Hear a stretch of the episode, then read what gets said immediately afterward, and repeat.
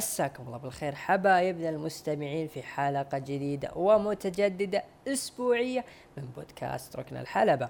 البودكاست الذي سيحلل ويناقش ويجل شوي في آخر أخبار وعروض عالم المصارعة الحرة داخل دائرة ال WWE حلقة الأسبوع ال 75 معكم أخوكم عبد الرحمن أبو عوف ومن الإخراج دحيم العلي. طبعا في البداية عندنا شوي خبر آه حزين. آه إنه أخونا العزيز والغالي على قلوبنا جميعا آه الباريستا عبد الرحمن أعلن إنه لن يستطيع الحضور في آه فترة تحليلنا للعروض الأسبوعية نظرا لظروفها الخاصة.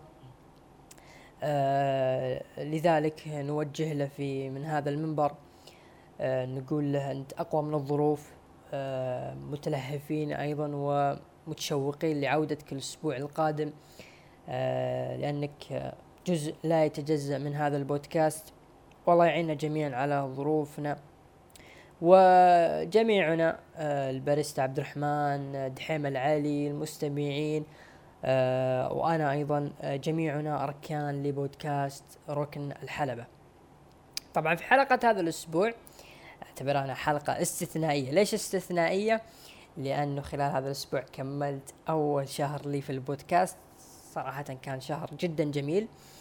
آه بعد عودة البودكاست بعد غياب تقريبا شهرين آه بدأنا مشروعنا على اليوتيوب والحمد لله المقطع نال على استحسان الجميع لذلك آه نحن بودكاست ركن الحلبة نتمنى أن نقدم كل جميل ويليق بذائقتكم اخواننا المستمعين أو حتى اخواننا المشاهدين لذلك في حلقة هذا الأسبوع الاستثنائية نقدم لكم هدية وهي عودة وظهور مؤسس وعراب ركن الحلبة وصوته الأول ليس فقط صوت بودكاست ركن الحلبة بل هو صوت التاريخ وصوت الأجيال المكتبة البشرية وهلان راح يكون إن شاء الله معنا في مداخلة للحديث عن موضوع جون سينا ورومان رينز اللي كان مسبب بلبلة الأسبوع الماضي في البودكاست بيني أنا وعبد الرحمن. آه راح يكون له مداخلة راح يكون كلنا إن شاء الله معه. راح نشوف وراح نشوف وجهة نظره. راح يوقف مع مين؟ راح يوقف ضد مين؟ راح يجلد مين؟ راح يكون يعني راح نشوف وجهة نظر إن شاء الله. اتمنى تكون جميلة. آه ما أدري أنتم متحمسين للبودكاست ولا متحمسين لعودة ولا المهم آه قبل ما نبدأ شغل المصارع جي هذا نبدأ أول شيء بالأولمبياد. يعني للأسف منتخبنا السعودي خرج من الأولمبياد من الدور الأول. للأسف خالي الوفاض. يعني أنا بالنسبة لي كان أحد أسباب الخروج هو الأخطاء الدفاعية. كانت هي السبب الأول والأخير. بالنسبة لي السبب الأهم اللي هو الخوف من اللعيبة. يعني اللعيبة يعني لما نواجه سواء مو بشرط يعني منتخب كبير يعني منتخب نقدر نقول بسيط آه لما نواجهه في أولمبياد ولا في كأس العالم ولا في أي بطولة كبيرة يعني يكون في اللعيبة خوف غير طبيعي. كأنهم دا ما ندري عليهم داخلين حرب. لو داخلين حرب كان أحسن على الأقل قدموا أفضل ما, ما لديهم. بس فيهم خوف من الخصم غريب عجيب. ف يعني بالرغم أنهم قدروا يوقفون بوجيههم صراحة مع المنتخبات الكبيرة برازيل ألمانيا كوديفوار لكن يعني أنا أتمنى يعني أنت منتخب سعودي أيضا منتخب لك ثقلك ووزنك في قارة آسيا أكبر قارة في العالم. لذلك أنا أتمنى وهذا الجيل أنا صراحة متفائل فيه.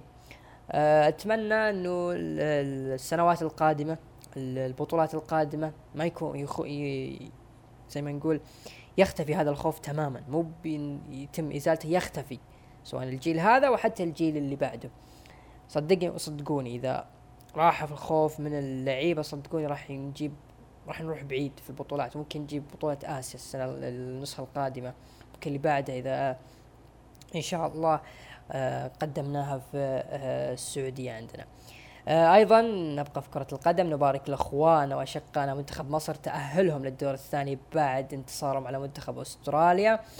آه صراحة منتخبكم جميل جدا يعني ممتع من فنتمنى لكم آه فالكم إن شاء الله الميداليات الثلاث وتروحون بعيد إن شاء الله.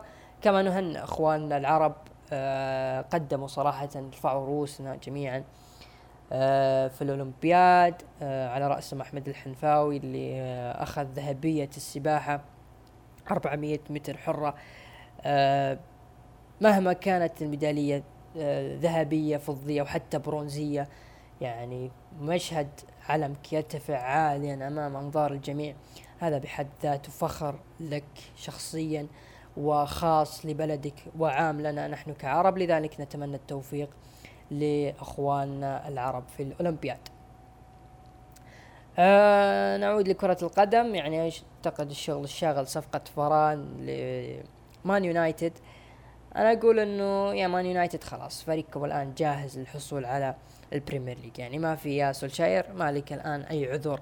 يعني والله فريقنا بايخ والله الفريق ضدنا تعبان خلاص.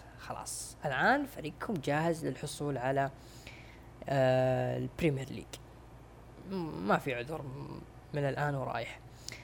آه تخلصنا من الشغل الأولمبياد والكورة. ننتقل الآن للشغل الأهم وهو ال pro wrestling نبدأ بداية بالأخبار.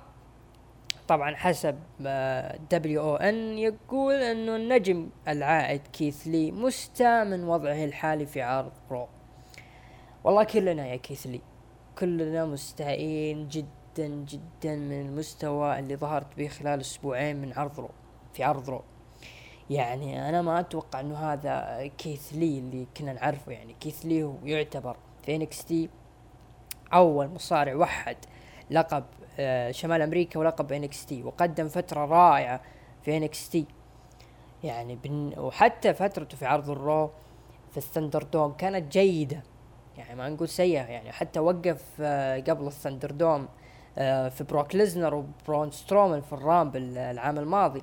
يعني النجم يعني ممتاز ورهيب في دب WWE أنا أعتقد إنه غيابه كان ممكن مشاكل نفسية أو مشاكل خاصة يعاني منها. غير إنه أنا أعتقد عودته للعروض يعني تلبية لرغبة الجماهير. لكن بالرغم هذا مو هذا مستواك ترى يا كيث لي. ابدا مو هذا مستواك. لكن للأسف يعني. يعني أنتم شايفين كيث لي. لا هو قادر يضرب الخصم لا هو قادر يمشي لا هو قادر يسوي أي شيء. ف الله يعينك يا كيث لي في عرض الرو طبعا في خبر هذا غير يعني. الله يعيننا عليه. وفقا ل Fightful. يقول إنه النجم كاريون كروس كان سيخسر للمرة الثانية على التوالي لو شارك جيف هاردي بعرض الرو هذا الأسبوع. طبعا جيف هاردي آه غيابه كان زي ما إحنا عارفين إصابته بفيروس كورونا كوفيد 19 وكوفيد 19 طبعا نتمنى له الشفاء العاجل وان يطول غيبته شوي. آه طبعا يعني يعني الخبر ده يعني أنا ما أدري إيش أقول صراحة. يعني كان بيخسر لو إن جيف هاردي كان موجود. يعني حتى واللي صار في عرض الرو يعني أنت الآن يعني معلش على الحرق يعني ولا خلها بعدين. يعني كاري كروس فوزته لكن على حساب الشخص اللي قبل شوي كيث لي يعني لا أنت يعني قدرت تحسن من وجهة نظر كاري كروس للناس وجهة نظرهم فيه. ولا أنت يعني ساعدت في حماس الناس الكثيرين. يعني دمرت الآدمي. غير انه كروس أصلا يعني من عقب خسارته انكسرت شوكته. يا أخي الرجال ما هو قادر يظهر في NXT عقب ذا الخسارة. خسارة تثبيت سريع. يعني والله زين يا جيف هاردي إنك ما جيت. يعني الله يشفيك إن شاء الله. ف الله يعين يعني. عاد شوف الخبر اللي بعده. يقول لك فان دانجو آه، اللي تصرح قبل كم شهر يقول أنه خسرت في عام 2011 بنزال يمتد لثواني أمام مارك هنري.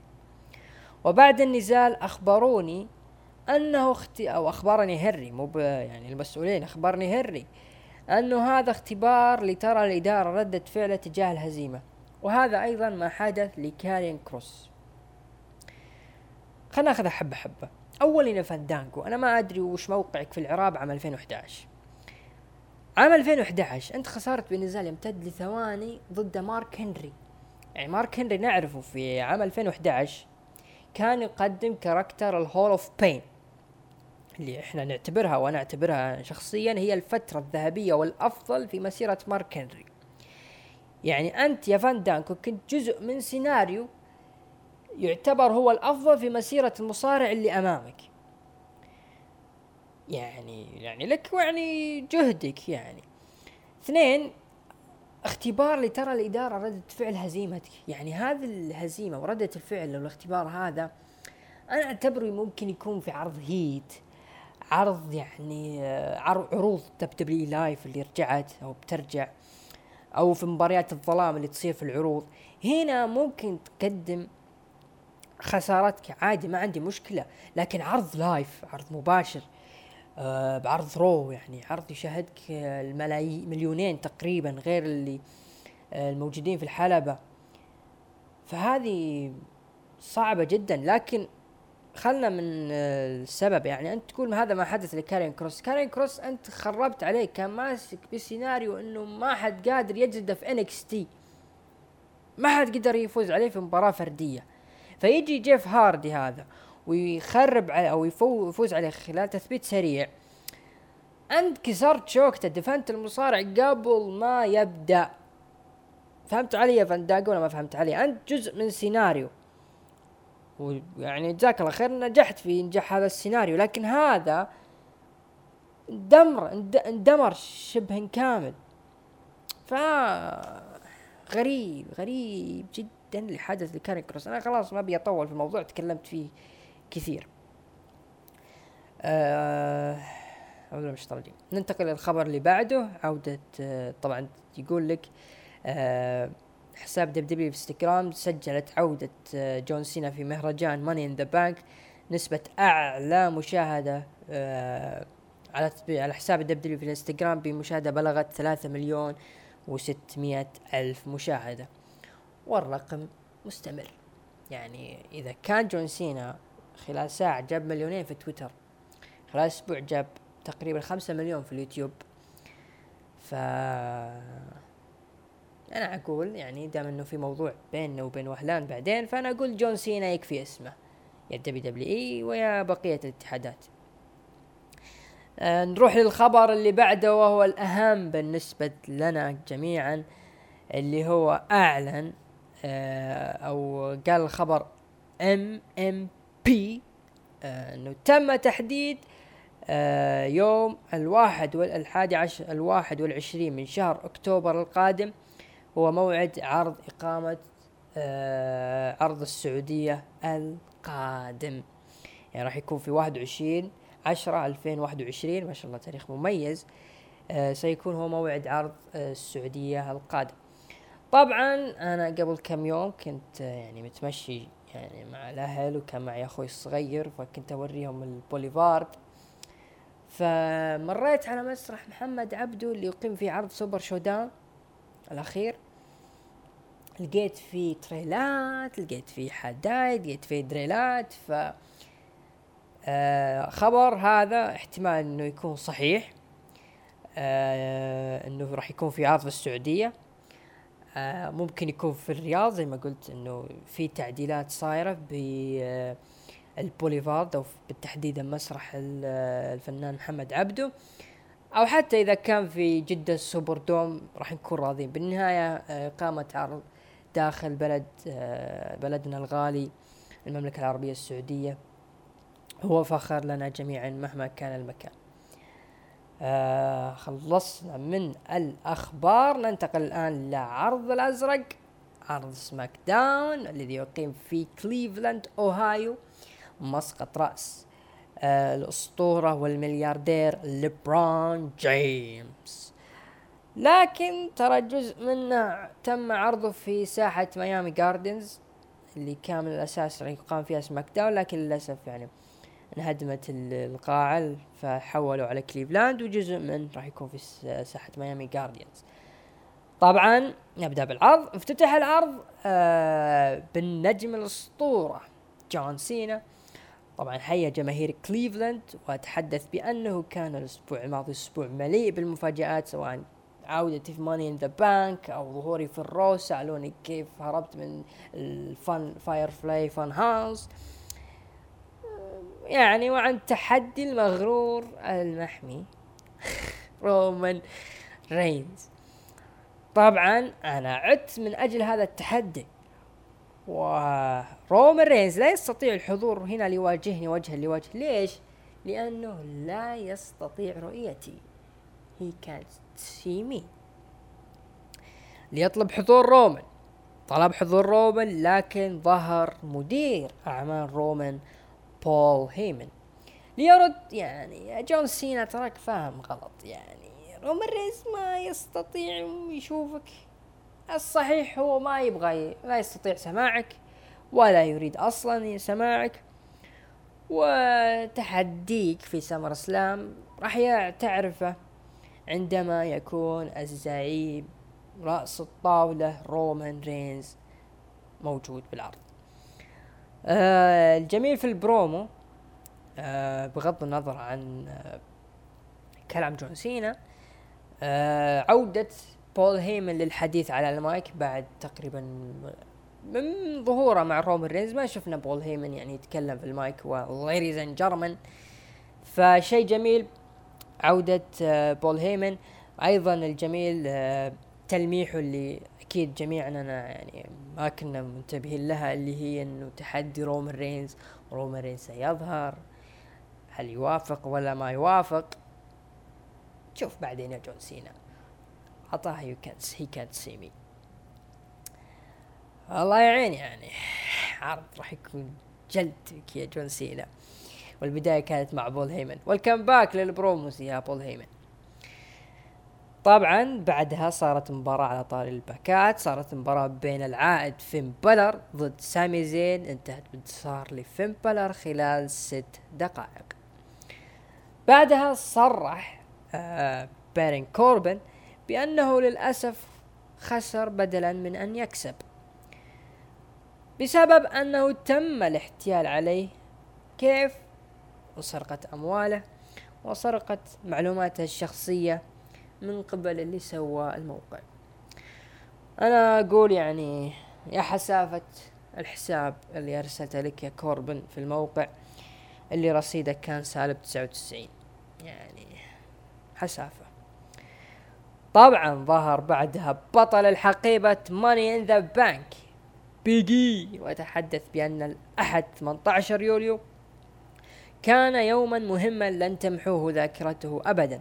عندما تسلق السلم وأخذ الحقيبة لكن ليقاطع بطل القارات أبولو كروز. وقال اخس يا بيجي أجل صرت بطل حقيبة. ندري أن الفوز زي البطولة مثل ما أنا فزت عليك. وأخذت منك اللقب لقب القارات. ليقاطعه دولف زيجلر وروبرت رود. وقال دولف زيجلر طيب ما دام كنتوا تتكلمون عن لقب القارات لازم أكون موجود. يلا شوف صح يا رود. ما مدى روبرت رود يتكلم إلا ويدخل عليه king ناكامورا؟ وبعد ما دخل king دخل بعد سيزارو اللي صرح بأنه يريد اللقب. صار جدال في الحلبة بين الستة تقريبا أو الستة مع وجود commander عزيز. انتهى بسيطرة بيج إي وناكامورا وسيزارو. آه للأسف يعني أنا بالنسبة لي كنت متوقع آه دفعة كبيرة لسيزارو. يعني ما دخل الحقيبة الأسبوع اللي بعده دخل مع أوتيس والآن يبغى لقب القارات. فما عليه ما عليه سيزارو. آه أنا قلت سابقا بأنه بيج اي صعب جدا أنه يدخل في فئة ال main eventer مبكرا مع وجود الأسماء القوية في ال main eventer آه لذلك آه لابد أنه بيج اي يجهز نفسه مع الفئة اللي حوله. آه اللي ظهروا أبولو كروز ناكامورا سيزارو روبرت رود دولف زيجلر. آه بعد ما يكون جاهز يكون الناس آه، يلا متحمسين متى يظهر بيج إي ويصرف الحقيبة. هنا ممكن يدخل بيج إي في فئة ال main eventer بعدين يدخل آه، بصرف الحقيبة. نتمنى إنه يكون صرف ناجح.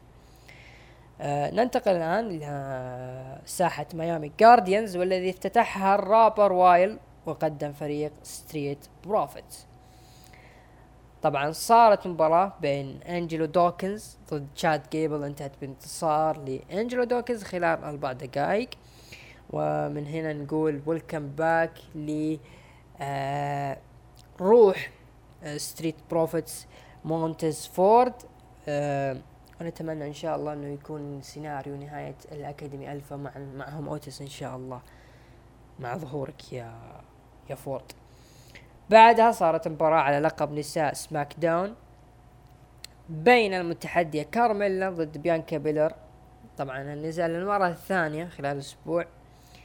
آه انتهت بانتصار لبيانكا بيلير اللي تحافظ على لقبها خلال خمس دقائق. آه يعني نشوف الأسبوع القادم إيش راح يصير في فئة النساء وبتحديد اللقب حقهن.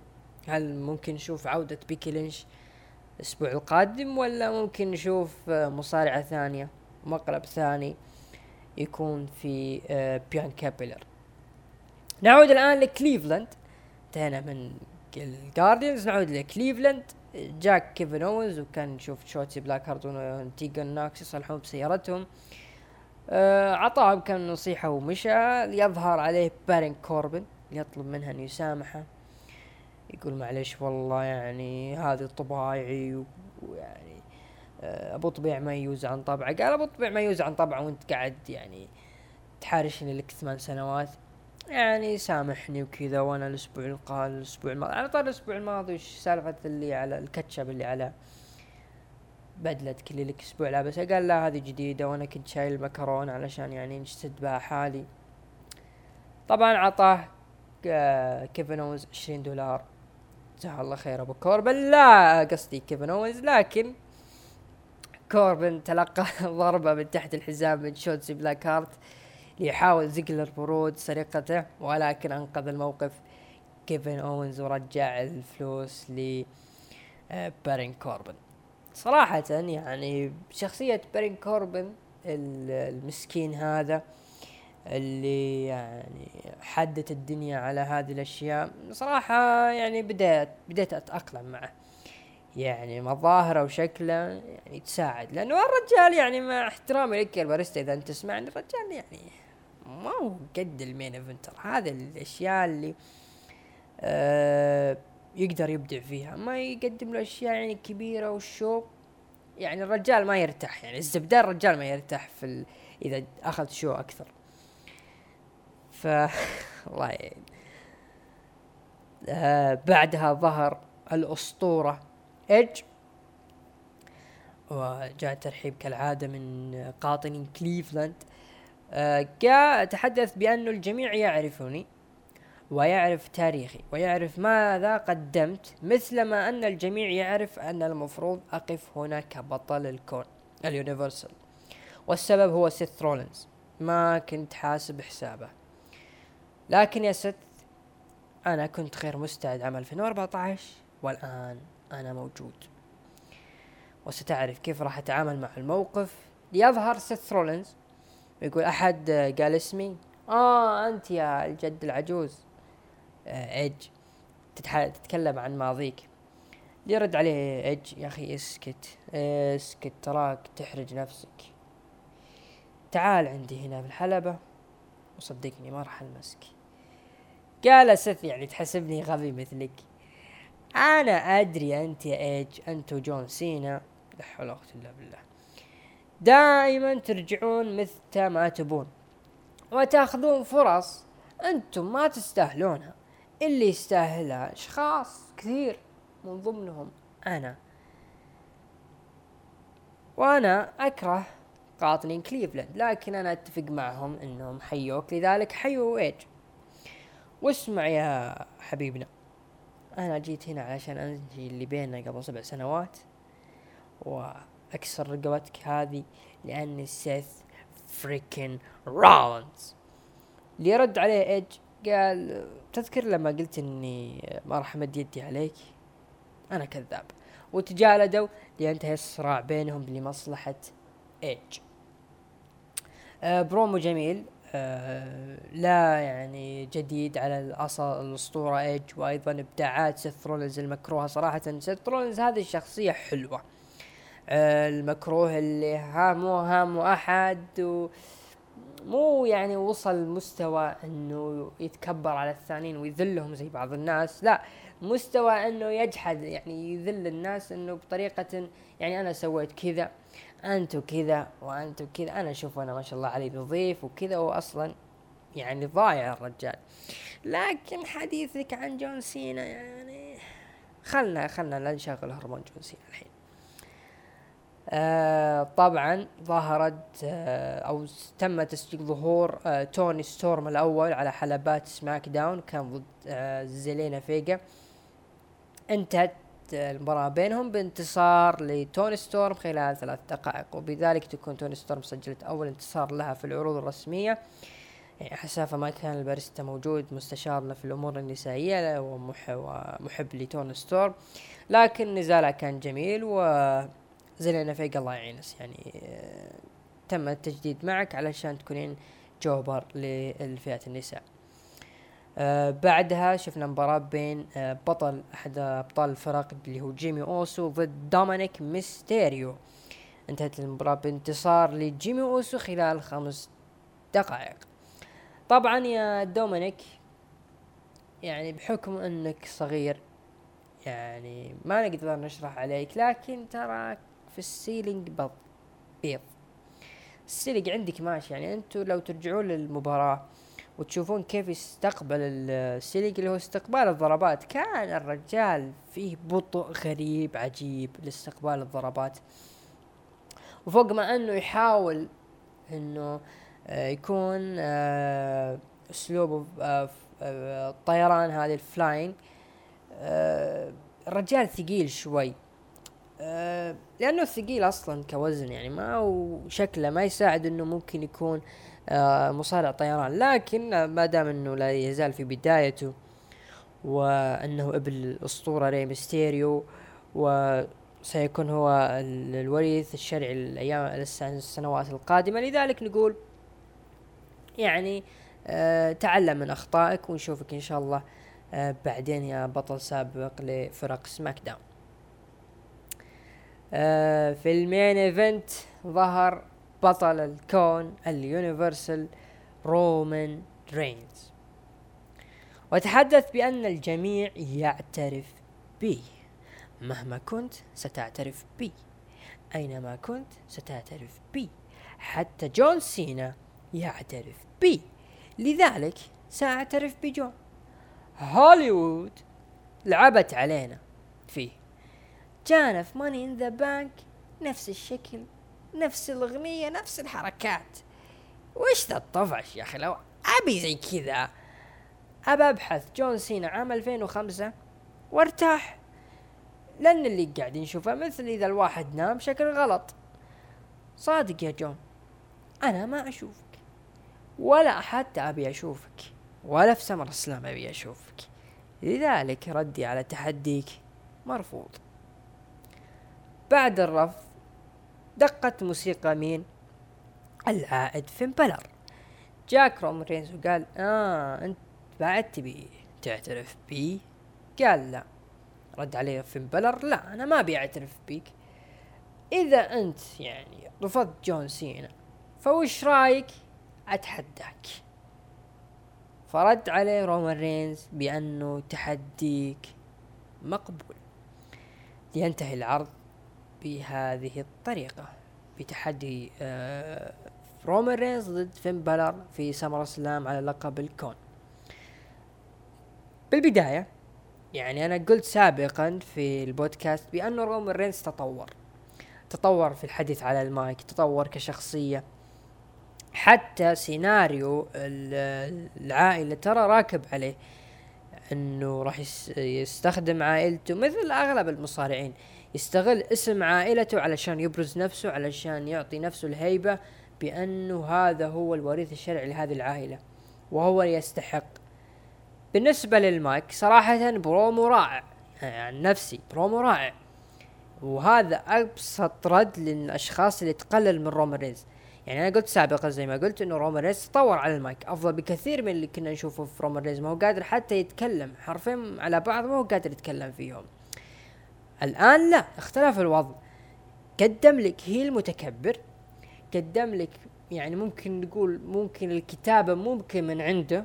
إذا كانت الكتابة من رومان رينز يعني إذا كان رومان رينز أعطته ال WW الحرية وكان هذا فعلا مستواه على المايك فهذه النقطة تحسب لرومان رينز. أهنيك عليها. إذا أنت كاتب البرومو هذا مع إني أدري إنه اللي كاتبه الملقح. آه إذا أنت كاتب هذا البرومو وكنت مرتاح جدا زي ما شفناك فأنت في الطريق السليم. وراح تكون شيء كبير السنوات القادمة وهذا دليل جدا. وشوفوا تفاعل الناس. ولا أستغرب إذا كان الأسبوع القادم دائما نشوف استهجان نشوف تشجيع لرومان رينز. هذا دليل على نجاح شخصية رومان رينز ال head of the table نشغل الآن هرمون جون سينا.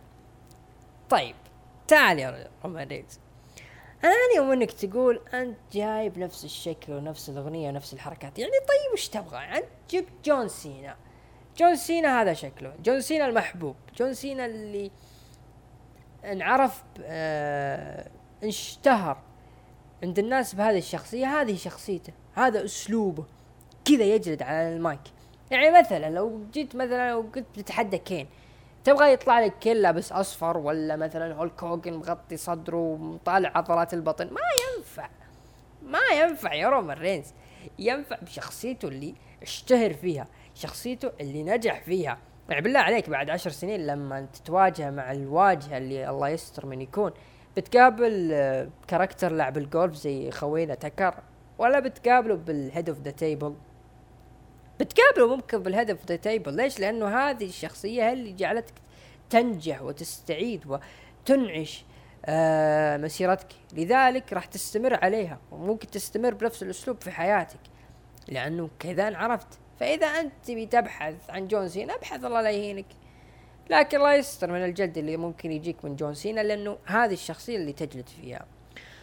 وبحديثك إنه هوليوود لعبت عليه يعني قصده إنه ما قدم المستوى المأمول منه فأنا أشوف إنه ظهور جون سينا في آخر فيلم في Fast and Furious اللي كان بطلة. جون سينا أفضل بكثير من دور الكومبارس اللي قدمته يا رومان رينز في أحد أجزاء Fast and Furious مع المدعو ذا انتهى الهرمون. انتهى الهرمون هنا. يعني مشجعين رومان ولا تزعلون. طبعا آه مشاهدات العرض طبعا كانت مليون ومية وسبعين ألف مشاهد بانخفاض عن الأسبوع آه الماضي. آه نروح لتقييم آه الأخوان المستمعين في الهاشتاج ركن حلبة خمسة وسبعين. أعطوا SmackDown من تسعة لعشرة خمسة وأربعين في المية آه من خمسة إلى ثمانية خمسة وأربعين في المية أيضا. في المية أقل من آه خمسة يعني في توازن. في ناس حابين العرض في ناس يرونه عرض جيد. أنا بالنسبة لي أشوفه عرض رائع. تقييمي له راح يكون سبعة ونص من عشرة. عرض جميل. عرض جميل SmackDown. آه ننتقل الآن للعرض الأحمر. عرض ال Raw الذي أقيم في كانساس سيتي ميزوري. أعتقد هي مدينة آه بيرين كوربن آه افتتح العرض بطلة نساء عرض رو الجديدة نيكي آش ورحبت بالجماهير وأكدت بأن لحظة الفوز باللقب كانت حلبا لها لم تتوقعه لأنها لم تكن تملك الثقة وكانت خائفة من الفشل. بس من لبست اللبس الجديد هذا أعطاني الثقة وإني سأحقق كل شيء مهما كانت الظروف. وراح تكونون كلكم مع هذه الثقة مثل الابطال الخارقين. بزود عليه نيكي اش اللون بعد الأصفر والأزرق راح يساعد ترى على آه، إعطاء الثقة في النفس. آه، دخلت شارلوت وقالت يا حليلك والله إنك في مقلب بالله ليش هذا بشكل بطلة؟ يعني أنا شفت شفتس في منظر مؤذي للعين في برنامج آه، في قناة ام بي سي تطيرين وحالتش حالة وتكلمين و... ولما تكلمت ضحك عليه المذيع. هذا من غبائس. خليكم مثل الغبية. آه أنا فزت بعد مباراة ضد المدعوة ريربلي ولا فازت علي. وجيتي انت وصرفت الحقيبة وأنا كنت مسدها طيب. لذلك آه، فزتي في اللقب آه لذلك افرحي باللقب. أنا بفرح في مباراتي ضد آه ضدك. في سمر سلام دخلت ريا ريبلي ما شاء الله عليها. يعني كل ما أحد جاب طريقة ظهرت. وقالت والله أنك صادقة يا طبعا شارلوت قالت قبل إن الجميع يغارون مني ومن النجاحات اللي قدمتها إني 11 مرة بطلة العالم بالنساء طبعا قالت ريا ريبلي نعم الجميع يغار منك لأنك بطل بطلة ليوم واحد. بعدين تراك أخذتي وحافظتي على لقب بالاقصى آه اللي ترد عليهم نيكي آه قالت الحين انتو كل أحد يبغاني في سمر إسلام. لذلك مهما كان الخصم أنا بطير. دخلت آه أو عفوا أنا بطير مثل الفراشة اللي على لبسي. قالت يا أخي خلاص اللي هي شارلوت. قالت خلاص خلاص من لبسي يصير رخيص الله يرحم والديس. دخلوا الإداريين وأعلنوا عن مباراة ثلاثية بين الثلاثة.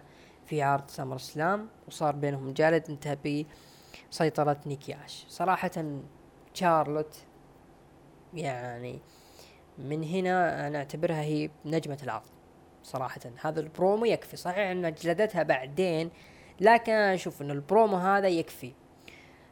أنا بالنسبة لي إذا أنتم تتفقون معي ولا لا أنا أشوف إنه شارلوت آه ممكن تكون أفضل إن لم آه أفضل ورقم واحد في آه ثورة ال evolution النسائية اللي قدمتها ال WWE عام 2015 تتفق تختلف. شارلوت هي الأفضل.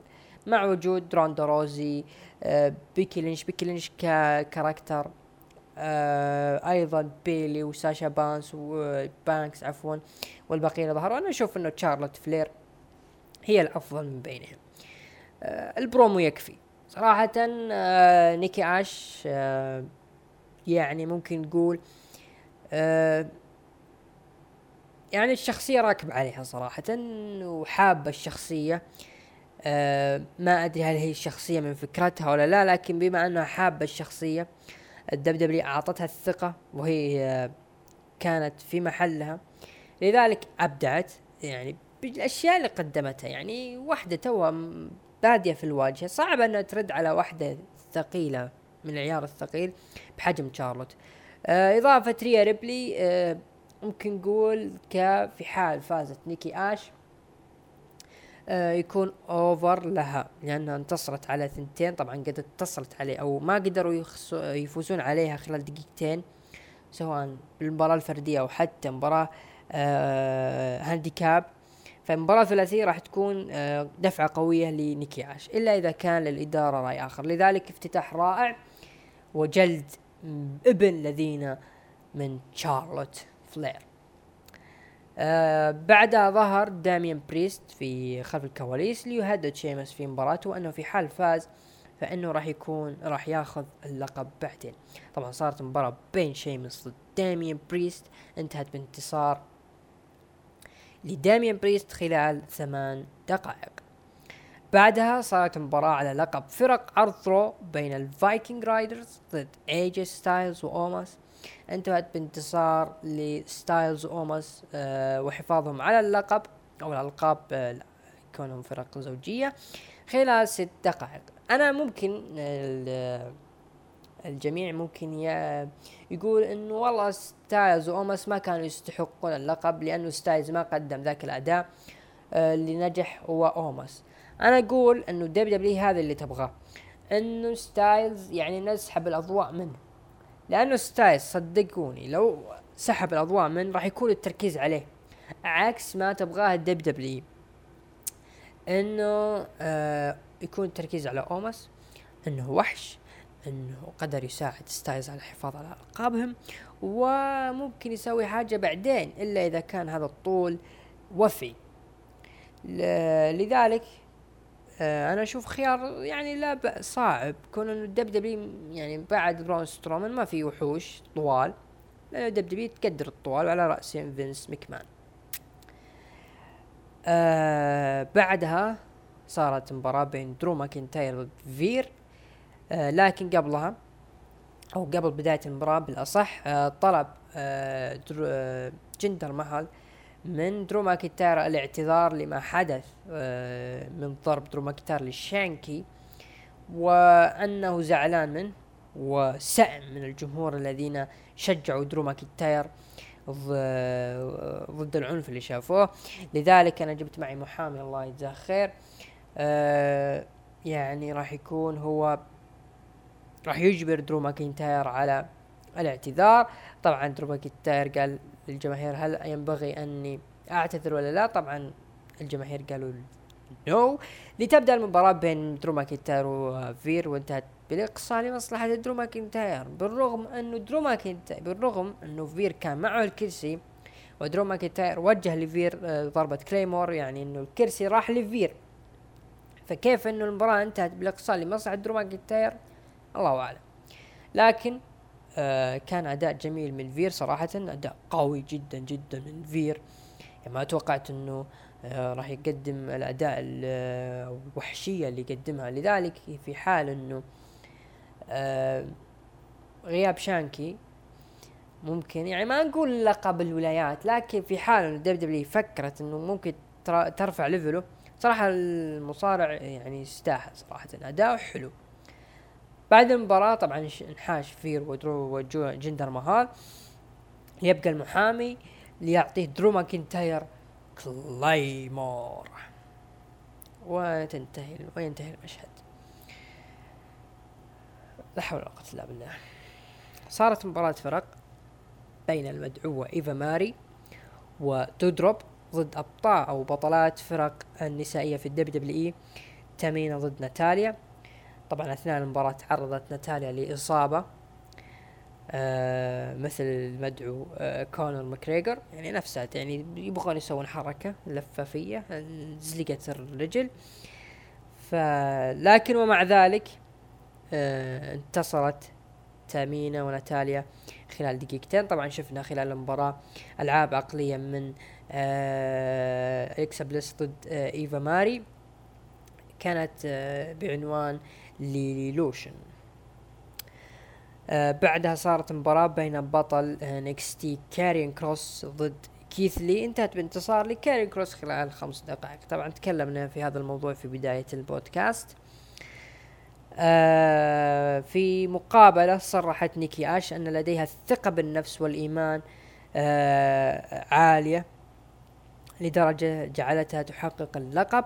ومهما حدث آه حدث ومهما حدث سأدافع عن لقبي في سمر اسلام سواء انتصرت أو خسرت الثقة راح تكون موجودة.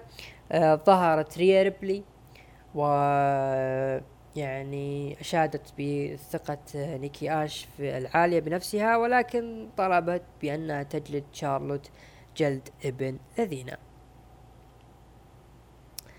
آه بعدها صارت مباراة بين فريق تي بار وماس ضد فريق آه منصور ومصطفى علي في أول مباراة لمنصور ومصطفى علي. انتهت بانتصار لمنصور ومصطفى علي وبذلك يكون هو أول انتصار لهم خلال ثلاث دقائق. مباراة حلوة آه متحمس متحمس جدا لماذا ممكن يقدموا لهذا هذا الثنائي آه سبق وأني قلت إنه ممكن هذه الثنائية تكون shoot للاتحاد AEW بعد اللي شفناه. من بريت بيكر. آه وفي حال أقيم عرض السعودية فلا أستغرب أنه يكون هذول الاثنين آه أبطال الفرق مستقبلا. وراح يجيهم تشجيع كبير جدا جدا من الجماهير راح تكون حاضرة. آه ظهر بعدها آه بطل دبليو دبليو اي المهيمن أو خلينا نقول الجلاد مو المهيمن المهيمن الله عز وجل. آه ومدير أعماله ام أو خلينا نقول اسمه أول شيء بطل دب دبليو إي champion بوبي لاشلي ومعه إم في بي. وطلب من إم في بي من الحضور إظهار الاحترام اللازم للبطل حيث أن جولدبرغ لم يظهره. ومع ذلك وبعدها تحداه لذلك خلونا نسمع رد البطل. قال لك بوبي لاشلي أنا ما عندي رد الحين. خلوها بعدين. ليقاطع سيدريك ألكساندر. آه طبعا تكلم هو MVP وبوبي لاشلي عن الإهانة واللي تعرض لها بوبي لاشلي ما شفت أي إهانة.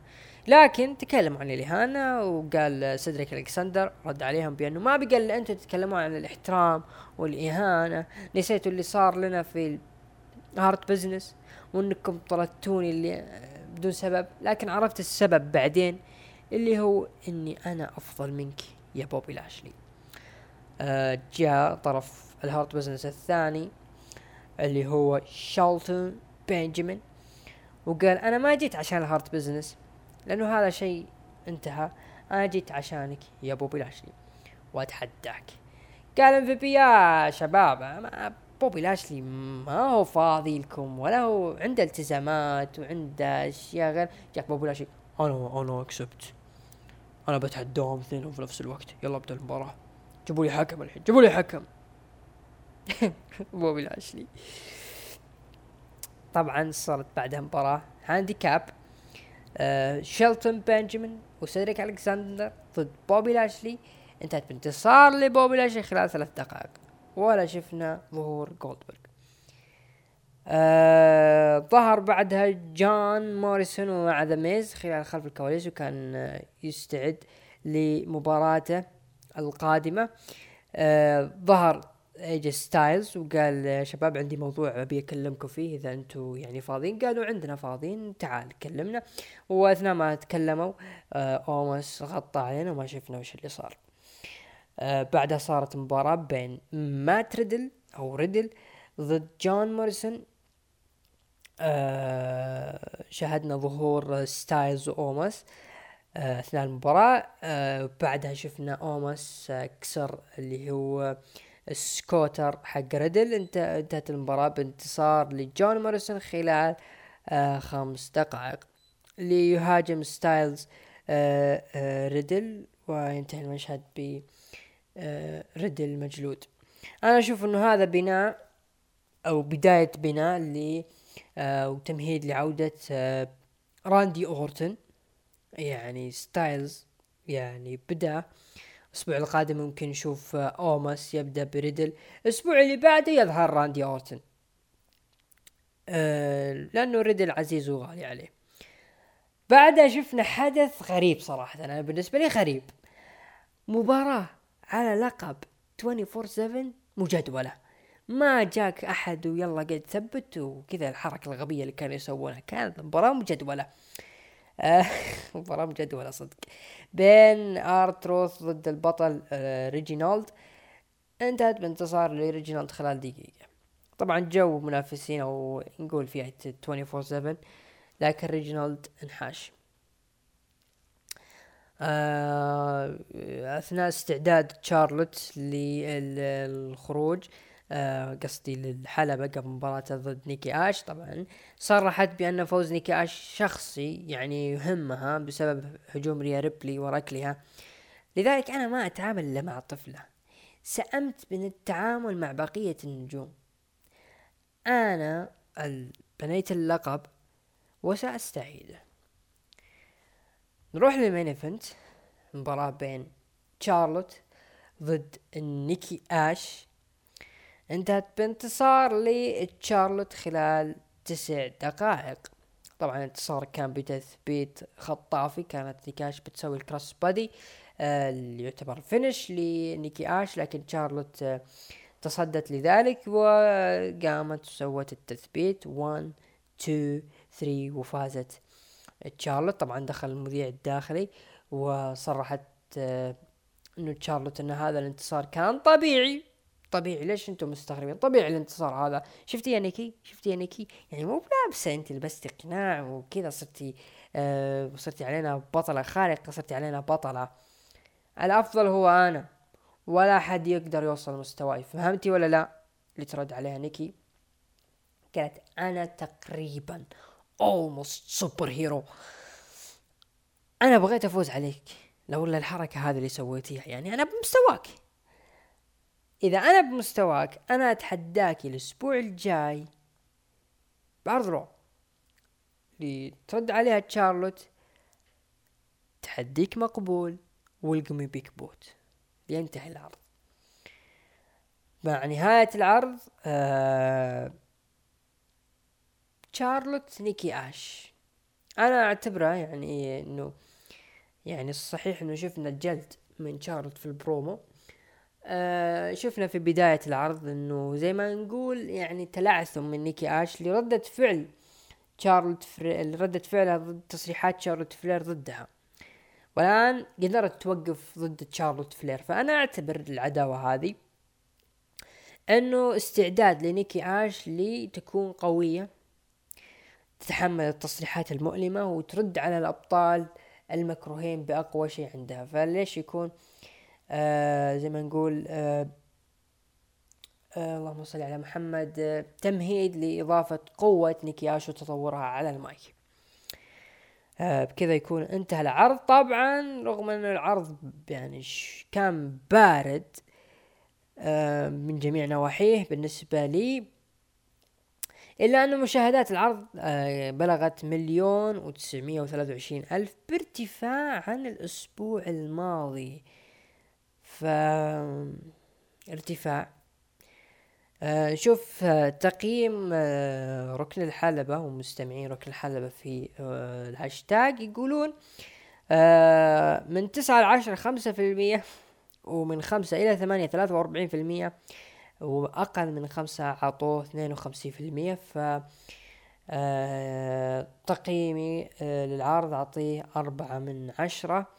أتفق مع الجميع أنه العرض كان أقل من خمسة. آه يعني زي ما نقول فيه أخذ وشد وجذب ومد وجزر بين سماك داون ورو. أسبوعين يكون هو الأفضل أسبوع يكون الثاني أفضل. وهكذا هي الدائرة في عروض WWE نروح العرض الأصفر عرضي عرض NXT افتتح العرض بمباراة فرق بين توماسو تشامبا وتيموثي ثاتشر آه ضد آه بيت دان وأوني لوركن. آه طبعا مباراة كانت جميلة جدا جدا جدا بين الرباعي هذا صراحة عداوتهم راح تكون حلوة في حال استمرت. طبعا قبل نهاية المباراة شفنا عودة لريج هولاند بعد غياب اللي هو يعتبر شريك لاوني لوركن آه بعد غياب بسبب الإصابة اللي تعرض لها في عرض NXT. انتهت بانتصار لبيت دان واوني لوركن خلال 12 دقيقة. مباراة زي ما قلت حلوة جميلة رائعة. آه ممكن الأسابيع القادمة ممكن نشوف آه آه shoot من آه ريج هولاند على توماسو تشامبا وتيموثي تشاد آه ثاتشر. آه ممكن نشهد الأسبوع القادم عودة آه فريق MSK آه مو مو شرط الأسبوع القادم ممكن الأسبوع اللي بعده يعني تونا على SummerSlam أو عفوا آه TakeOver 36 آه أنا أشوف إنه بيت دان وأوني لوركن. آه هم خصوم آه فريق MSK القادم في مهرجان TakeOver 36 آه راح يقدموا مباراة حلوة بالأخص بيت دان آه شفنا video package لنجم آه NXT آه ومشارك في تصفيات ال Breakout اللي هو كارميلو هايز. نجم رائع صراحة. آه ظهرت عصابة Hit Row Hit Row تحدث عن بقوة عن عصابة Legado del Fantasma وأنهم في غابة. يعني شبهوا وصفوا عمارهم Hit Row أنهم في غابة وسيكون آه Legado del Fantasma فرائسهم. وعلى الجميع الحذر وذكروا فريق Imperium بأنهم راح يواجهونهم في عرض إنكس تي الليلة وأن يجب عليهم أن يغلقوا أفواههم قبل الإصابة العصابه تفعل ذلك. قصدهم يعني يعني على بلاطة ينسحبون قبل العصابة أه تجبرهم على الانسحاب صراحة. أه هي تروح حلوين كالحديث كمهاجمة. أه تكلموا بالإسباني. يعني أنا بالنسبة لي لا نستعجل على العصابة. العصابة لساتها في طور التطوير. يعني لا نستعجل يعني والله عصابة باردين.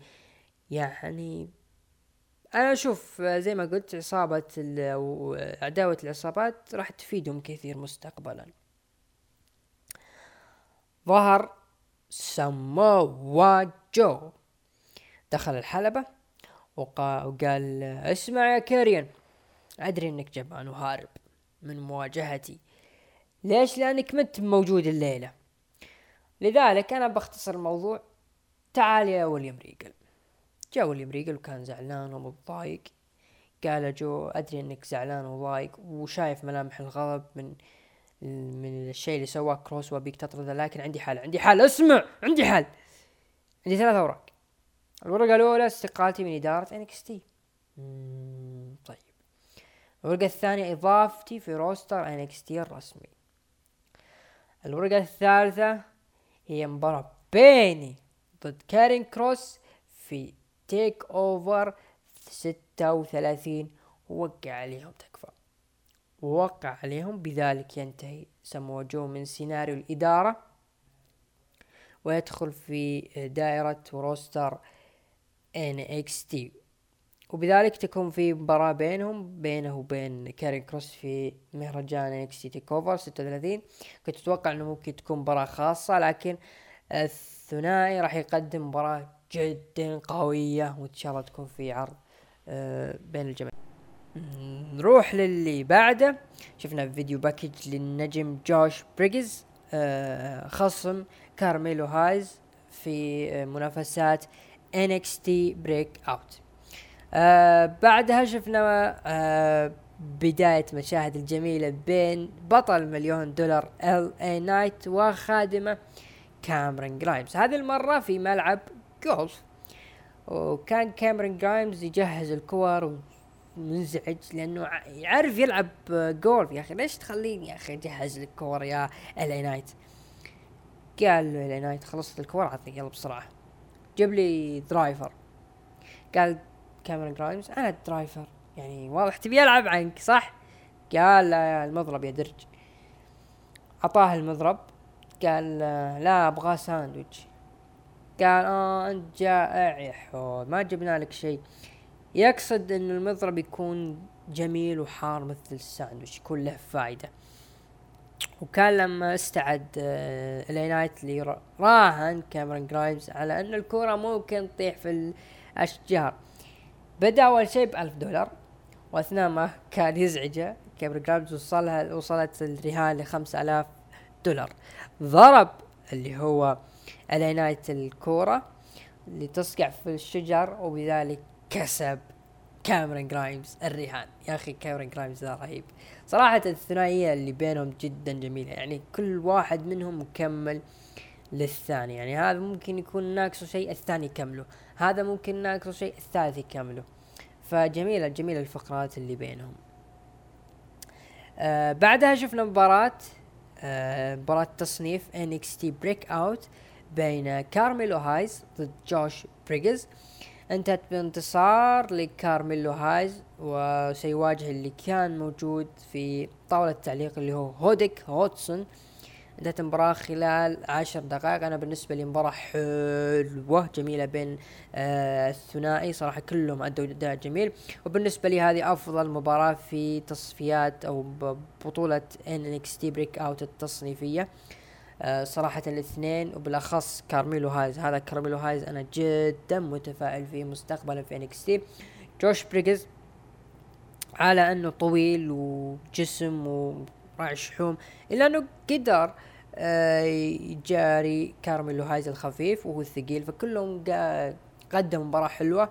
لذلك أنا متفائل جدا للاثنين وبالأخص كارميلو هايز. آه نشوف وش ممكن يقدم كارميلو هايز ضد آه آه ديوك هدسون الثقيل جدا للأسف يعني. بداية البطولة لما شفت هودي كوتسون قلت والله هالبطولة راح تكون بيض. لكن الحمد لله عوضنا كارميلو هايز. لو مع الثاني اوديسي جونز. اللي واضح والله واضح من, من لما سمعت إنه الملقح فينس مكمان يبغى اوديسي جونز. معلش على الحرق لكن ما دام إنه يبغاه مارك هنري القادم فالله يعين. ما اوديسي جونز هو اللي رايح ياخذ NXT Breakout والله يعني الملقح حتى في فينيكس تي ما خليته في حالة. طيب المهم نروح ل معليش آسف يا دحيم العلي آه نروح لفرانكي مونيه. معليش الحين عطني. خلاص طيب. الشاورما بعد أن تحدثت بعد انتصارها الأسبوع الماضي بأنه كان جميل يضاف إلى سجلها وأن زميلتها آه هي وزميلتها ناسي اسمها وش اسمهم؟ آه اللي هي جيسيكا ميلا. إيه.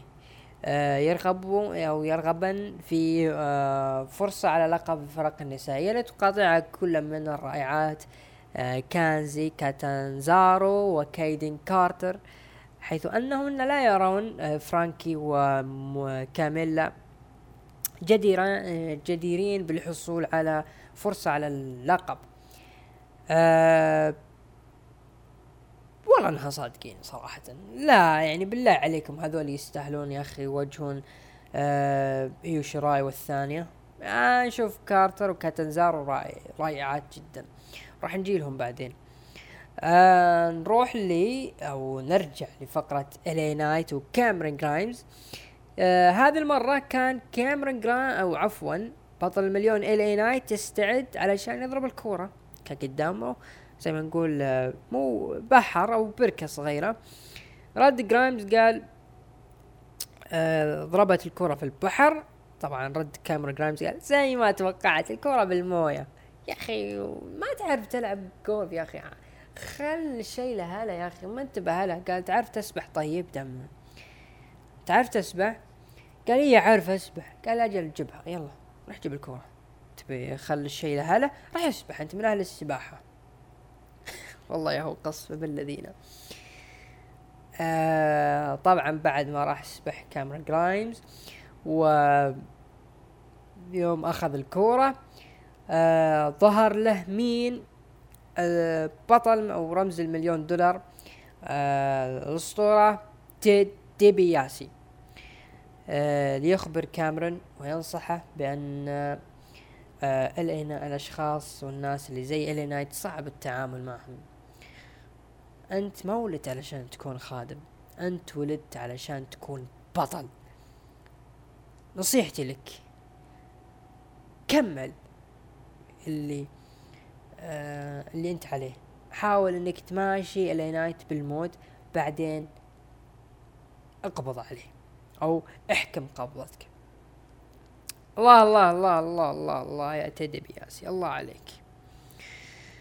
آه كاميرون جرايمز نايت. بعدها آه بعد المشهد على طول آه تعر آه مو بتعرض وين تعرض معه أو تم طرح آه، رج العائد ريج هولاند لسؤال عن سبب هجومه الليلة لكنه رد بأنه ما لكم دخل. يعني عالبلاطة ما لكم دخل.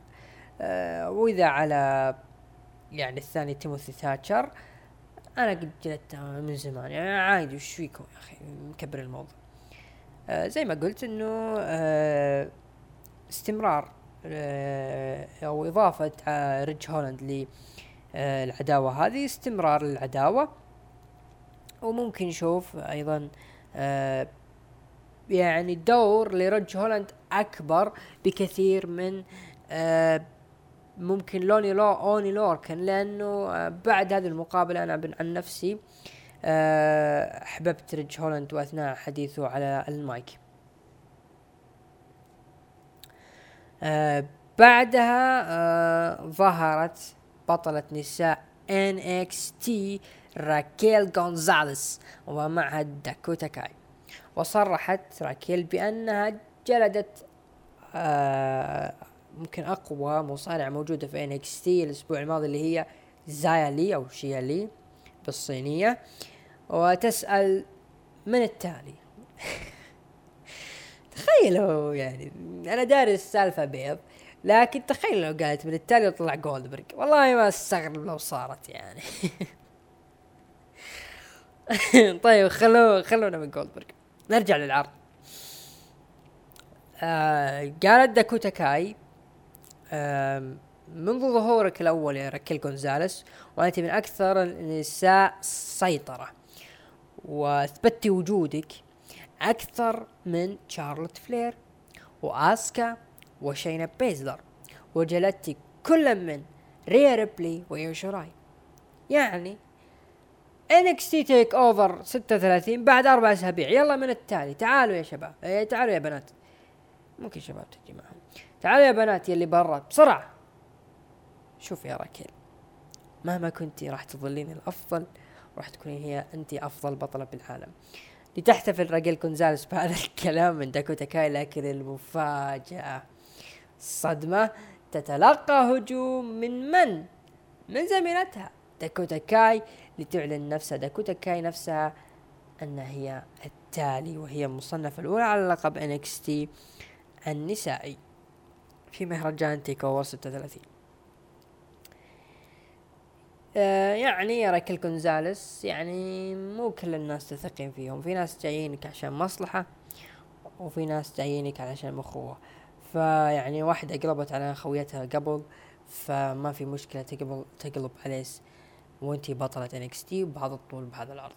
آه داكوتا كاي آه فرصة كبيرة جدا جدا جدا لداكوتا كاي. ممكن تاخذ show كبير في Takeover ممكن تفوز ليش لا؟ صراحة تستاهل البنت لكن ما أتوقع. أتوقع استمرار ركل جونزاليس لكن ممكن بال DQ. ما أتمنى DQ. لأنه ما تعودنا صراحة من NXT إنه مباريات ال Takeover تكون تنتهي بال DQ أتمنى ما أتمنى ذلك خصوصا بعد عودة الجماهير في Takeover 36 لذلك داكوتا كاي راكيل جونزاليس صراحة المباراة راح تكون حلوة متحمس لها جدا. نشوف الأسبوع القادم ما هو رد راكيل جونزاليس آه أتمنى أتمنى أن تكون المباراة آه على الأقل خاصة. لأنه الثنتين راح تكون جا بنت لذينة. ولا ما يحتاج تكون خاصة. ما يحتاج ما يحتاج. آه بعدها ظهر آدم كول بيبي ويتحدث بأن الجميع يحاول رفع أسهمه وذلك بذكر اسمي. مثل كايل ورايلي وبرونسون ريد. تعال تعال على طاري برونسون ريد. آه تعال يا أبو الشباب. أنت تقول إنه هجومك آه كان لأني ما كنت جاهز. تستهبل أنت أنا ما كنت جاهز. إذا أنا ما كنت جاهز يوم إنك تهاجم علي فأنا بقول لك شيء. أنت تراك ما خسرت لقب شمال أمريكا إلا لأنك ما كنت جاهز وبذلك ما يهمني رحلتك أو حتى مدى جاهزيتك ضدي أو رحلتك اللي ما شاء الله من بدايتها. ولو وصلت الآن لانها راح تنتهي على يد آدم. كول بيبي آه بعدها شفنا آه بطلة آه فرق NXT اللي هي آه إيو شوراي. كانت تتمرن ولكن قاطعتها زميلتها زوي ستارك. وتحدثت بأنها يا أخي لا تتمرن لحالك. إحنا أبطال فرق. لازم نتمرن مع بعض لازم تكون في بيننا علاقة. ردت ايو يعني صداقة friendship قالت زوي لا مو صداقة صداقة لكن نقدر نقول زمالة قالت ايو أنا ما أنا أحترمك لكني ما أحبك. قالت طيب أعطيني فرصة فرصة بس فرصة وراح أثبت لك إني راح أعجبك الزبدة. آه بعدها لقطت الكاميرا ماندي روز و جيجي دولن و أتوقع اسمها الزبدة. لكن ماندي أمرت الج... الكاميرا وماكنزي اللي هي المذيعة بالابتعاد. يعني الله أكبر يعني إيش بينكم أنتم الثلاثة؟ ما هي ماندي روز ما أعطيناها أكبر من حجمها الصدق آه بعدها شفنا مباراة فرق نسائية بين كايدين كارتر وكازي كاتانزارو أو كيسي كاتانزارو ضد فريق فرانكي موني وجيسيكا ميلا. انتهت بانتصار لكيدن كارتر وكاسي كاتنزارو خلال ثلاث دقائق. طبعا جت الفقرة اللي صراحة. كيت كيدن كارتر وكاتنزارو صراحة أنا معجب جدا بأدائهم اللي يقدمون الثنتين. ولا أستغرب ولا أستغرب أنه بعد تيك أو في حال أيضا آه تكونون يكونون آه خصمات آه بطولات النساء القادمة. آه ايو شراي وزوي ستار. صراحة يستاهلون. يعني الأربعة هذول في حال إنه يعني أنا مو مهتم كثير لفئة النساء. لكن في حال صارت المباراة بين ايو آه إيو شراي وستارك ضد كارتر وكتنزا راح تكون مباراة العرض. يعني ما أبغى اكون ما أبغى أرفع ال level فوق لكن ترى والله راح يقدمون مباراة حلوة. إن لم تكن آه لم تكن مباراة يعني ما أبغى أقول مباراة العرض لكن راح تكون من الأفضل. يعني شوف مباراة نسائية في NXT كانت الأفضل. يعني كانت حلوة بين آه وهي مباراة نساء. يعني عشان ما نكون عنصريين شوي يا أخي خلينا نعطيهم وجه شوي.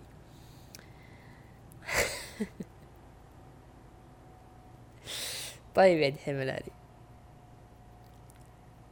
طيب. آه بعدها صارت مقابلة بين آه مقابلة ويد بارد حلوة والله مقابلات ويد بارد في عروض NXT بين آه وكان آه قصدي آه ضيفه هذه المرة هو رودريك سترونج. آه سأل ويد بارت عن ما الذي دفعه للمشاركة مع آه مالكوم بعد ال Undisputed Era وتكوين الما Diamond Mine قال آه رودريك سترونج إنه السالفة كانت تسعين في المية مصلحة وعشرة في المية بدنية. يعني شوف ترى عشرة في المية البدنية يعني تراهي أنا أفضل من شخص لديه قدرة بدنية مئة في المئة. ليؤكد مالكم هذه المعلومة حيث يقول مالكم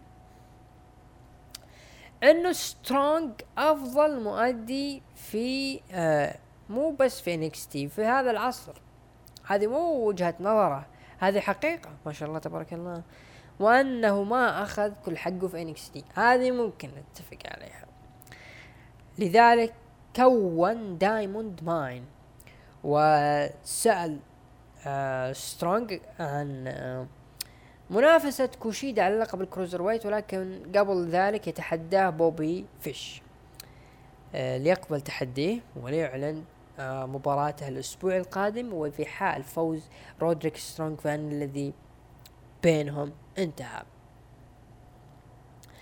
Diamond Mine حتى الآن العصابة أو إيه العصابة لحد الآن ما ضربت بثقلها. يعني حتى الآن هي في فئة ال cruiserweight آه رودريك سترونج آه فئة ال cruiserweight ضد كوشيدا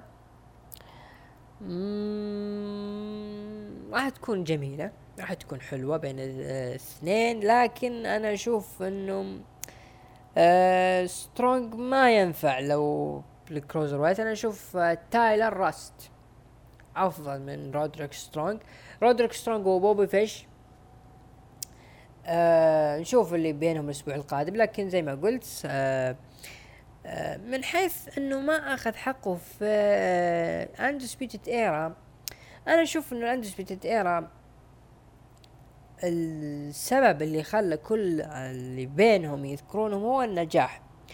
وإنه NXT يعني متحسفة جدا ل آه، آه، انفصال هذا الفريق أو هذه العصابة الجميلة جدا حلو حلو كانت الدائرة آه، لكن يا أخي خلاص دام إنه اللي بينهم انفصل ليش تحاولون تجمعونهم وتسوون عداوات بينهم؟ أوكي بس لا تطول يا أخي. يعني في خطط أكيد مستقبلية. لكن Undisputed يعني فوق ما إنكم تزعلون الناس تذكرونهم بهم مرة ثانية؟ تي يا أخي عليهم حركات بعض الأحيان ما أدري شلون لكن حلوة حلو حلوة اللي يقدمون اللي تقدمونه حلو مهما كان آه صارت مباراة فرق بين فريق أو عصابة Hit Row ضد العصابة اللي هددوهم بأنهم يا استسلموا ولا بنجلدكم غصب اللي هم ال Imperium انتهت بانتصار لمين؟ لل Imperium خلال 12 دقيقة.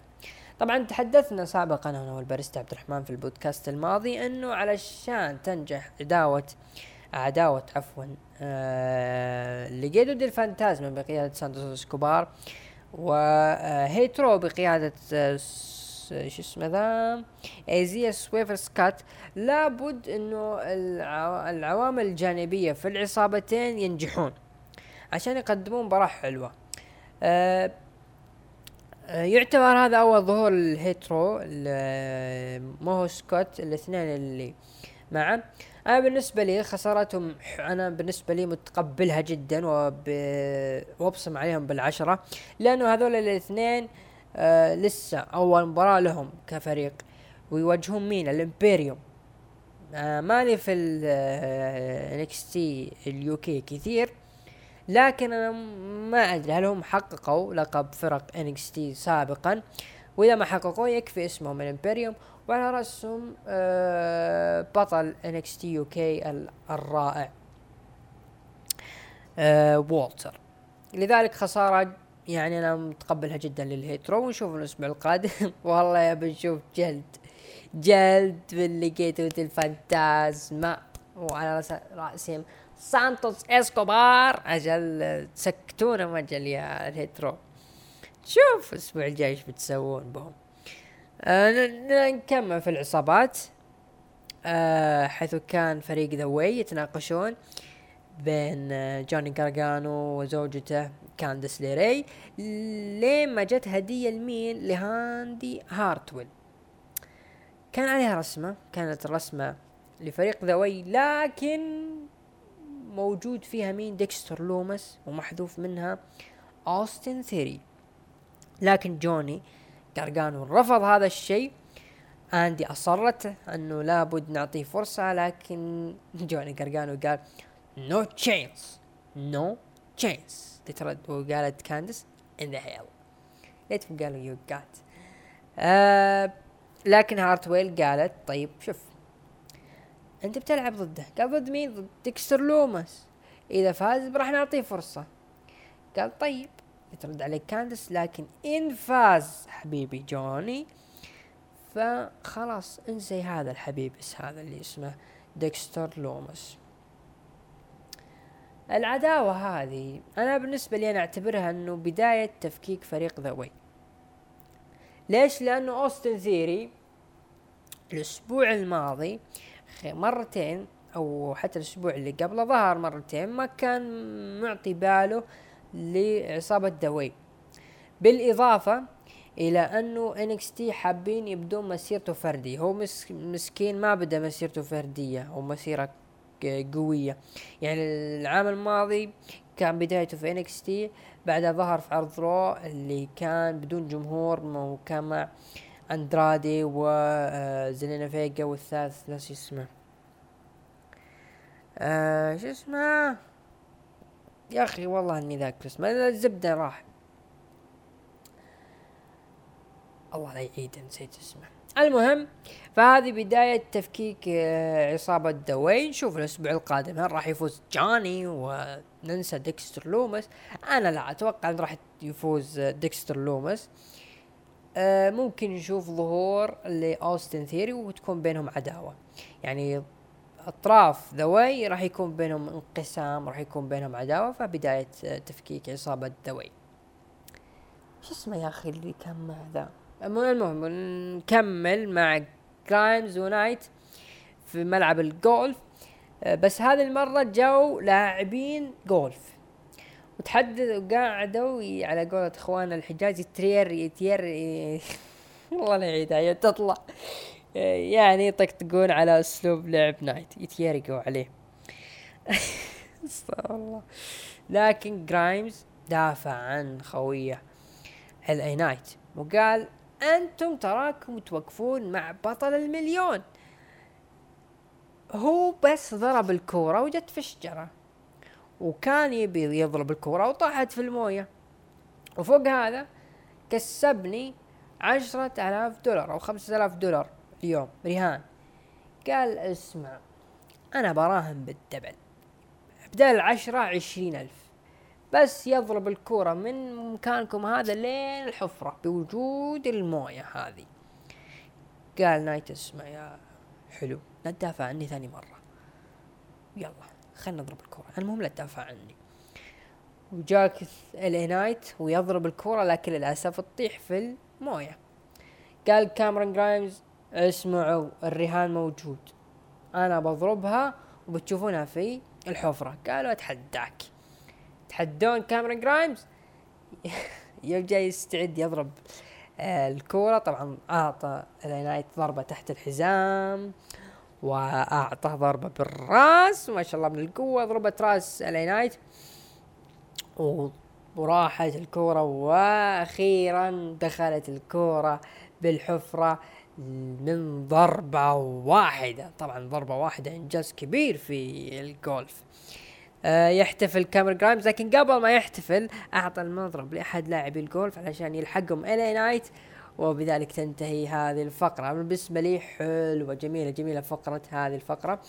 كاميرون جرايمز والي نايت صراحة لو يعني قلتوا أو جينا نسأل شخص مثلا ما يتابع NXT وش اللي يخليكم تتابعون NXT عرض بعيد؟ عن اللي قاعدين نشوف في العروض الرسمية نقول الي نايت وكاميرون جرايمز صح مسكين ما لحق على ال undisputed لكن كاميرون جرايمز والي نايت أبدعوا في آه هذه في فقراتهم. وبالنسبة لي هذه أفضل فقرة لهم يعني كاميرون جرايمز صراحة آه he just did in the trees.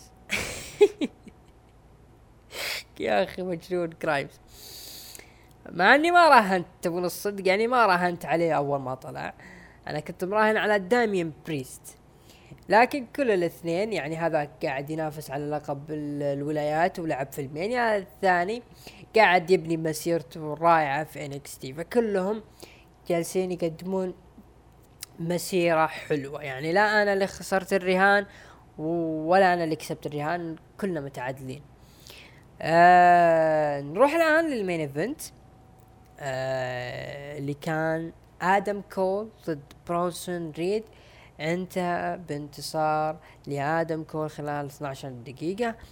آه مباراة حلوة بين الاثنين. آه أثبت آدم كول كلامه على ما تمه آه برونسون ريد يعني معليش. يعني صحيح إنه آه أنا من الناس اللي تبون الصدق قلت والله ممكن يفوز برونسون ريد على آدم كول وينفجر آدم كول وتكون عداوة بينهم. يعني عداوة بسيطة آه يعني مو شرط تروح لل TakeOver لكن عداوة بسيطة على الأقل تعطي برونسون ريد over على آدم كول. لكن اللي حدث العكس لذلك يا برونسون ريد يعني وش نسوي؟ أنت خلال أسبوعين خسرت لقب شمال أمريكا والان تخسر آدم كول.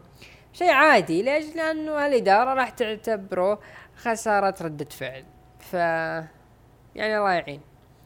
وأثناء احتفال آدم كول baby فوجئ بهجوم من خلف. من مين؟ من كايلي أورايلي. جلده جلد واعطاه suplex على الدرج الحديدي لينتهي NXT بهذا المشهد بسيطرة كايلي أورايلي. اي يا كايلي أورايلي أنا أبغاك كذا أبغاك تكون قوي. ما أبغاك تكون مسكين والله أنا بلعب على أخلاقي. لا. لا خليك أخلاق لكن خليك جلاد. كفو شوفكم الأسبوع القادم إيش راح تقدمون. آه الباريستا الله يعينك. آدم كول وكايلي اورايلي مستمرة وراح يكون فصل الختام في NXT TakeOver 36 ما هو فصل الختام في Great American Bash أنا توقعت ذلك وهذا اللي صار. قلت راح تخ... راح توقف العداوه بسيطة لين ترجع. آه وهذه هي رجعت. طبعا بهكذا انتهى عرض NXT سجل عرض تي بارتفاع ب 7900 أو عفوا 709 الف مشاهد بارتفاع عن الأسبوع الماضي. آه نروح لتقييم آه مستمعينا في ركن الحلبة في حساب ركن الحلبة بالهاشتاج. طبعا اللي أعطوا آه تي من تسعة لعشرة واحد وعشرين في المية. آه، اللي أعطوه من خمسة إلى ثمانية سبعة وأربعين في المية. اللي أعطوه أقل من خمسة كانوا اثنين وثلاثين في المية. أنا بالنسبة لي أعطي عرض NXT مع عرض سماك داون سبعة من عشرة. الآن ننتقل للفقرة اللي أنتم مستنينها ومتحمسين لها وأنا معكم. فقرة مداخلة وهلان الأسطورة المكتبة البشرية صوت الأجيال صوت التاريخ. معي أنا عبد الرحمن أبو عوف مع الباريستا عبد الرحمن دحيم العلي واهلان أربعة في مكان واحد. إخواني المستمعين اربطوا الأحزمة نروح للمداخلة.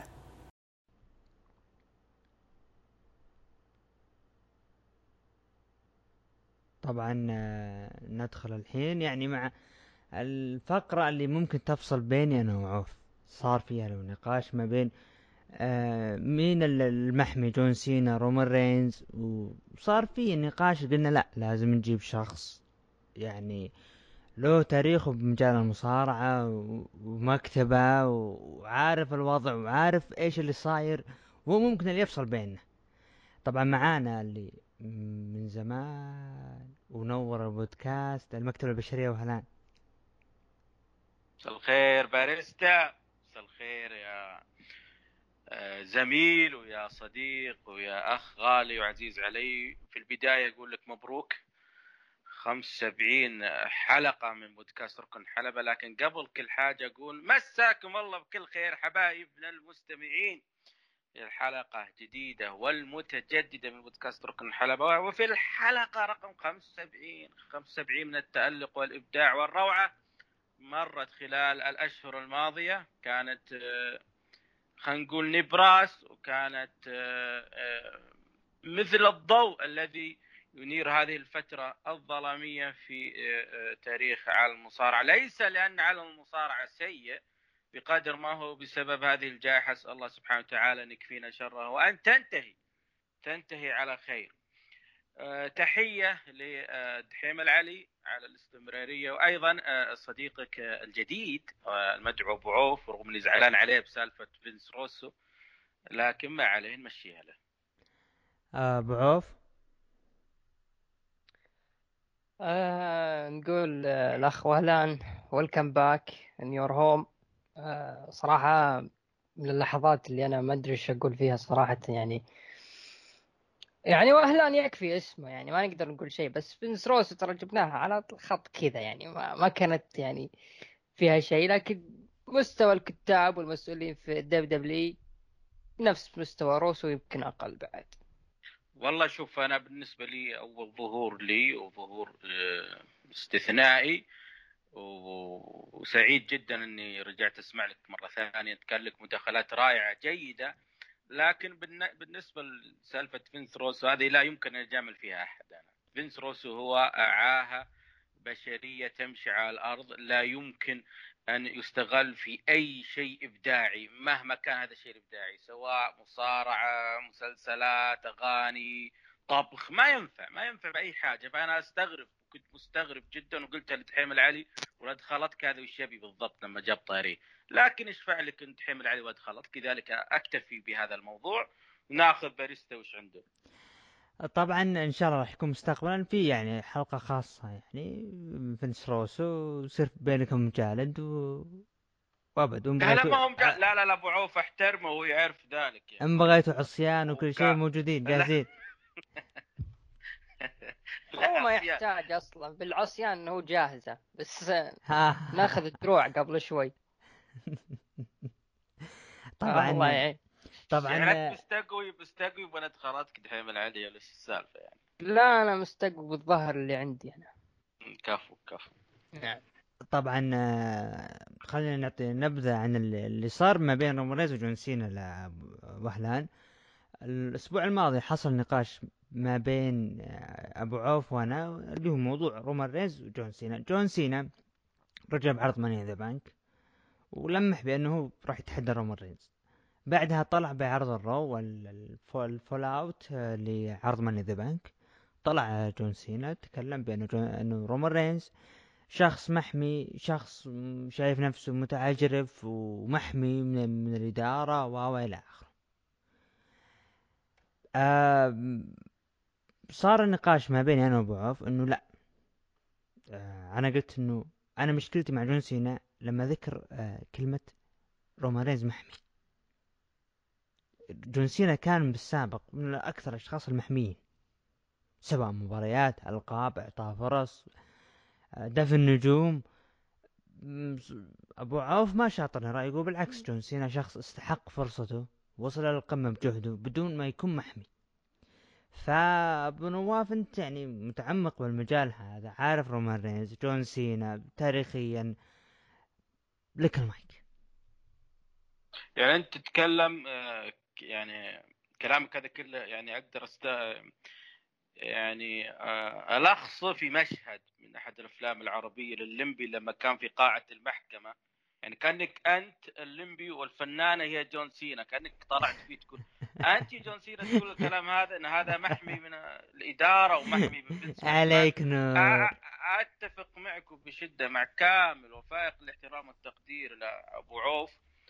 إلا إنه يعني مي جون سينا يقول كذا على الروم أنت مين بالضبط يعني؟ لكن بقى قبل كل حاجة لما أقول أنا أنت مين قصدي من ناحية إنك تقول آه إن هذا محمي من السلطة.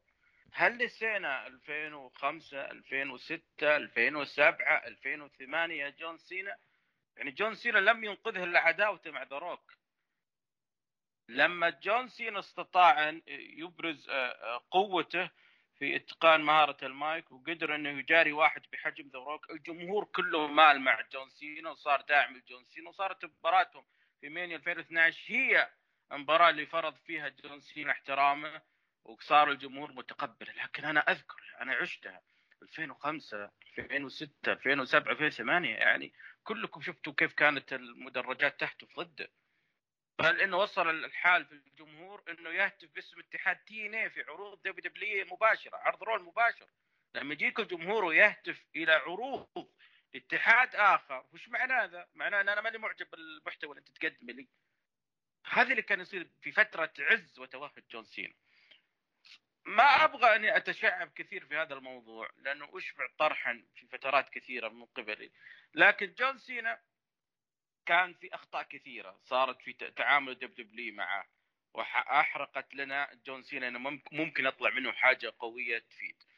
لكن لما نجي للرومان رينز رومان رينز كان الجمهور متقبله عكس جون سينا. يعني لما كان مع ال Shield كان الجمهور متقبل رومان رينز. لما رشح نفسه وقال اني بنافس على ال Royal Rumble كان الجمهور معاه وداعمه لحظة انقلاب الجمهور عليه هو بخطأ الكتاب لما جعلوا دانيال براين يخرج بشكل يعني مبكر من مباراة ال Royal Rumble. هنا صارت المشكلة وانقلب الجمهور على رومان رينز. وصار كاره الرومان رينز حتى لما دخل روسف الجمهور هتف إلى روسف لو تذكرونها.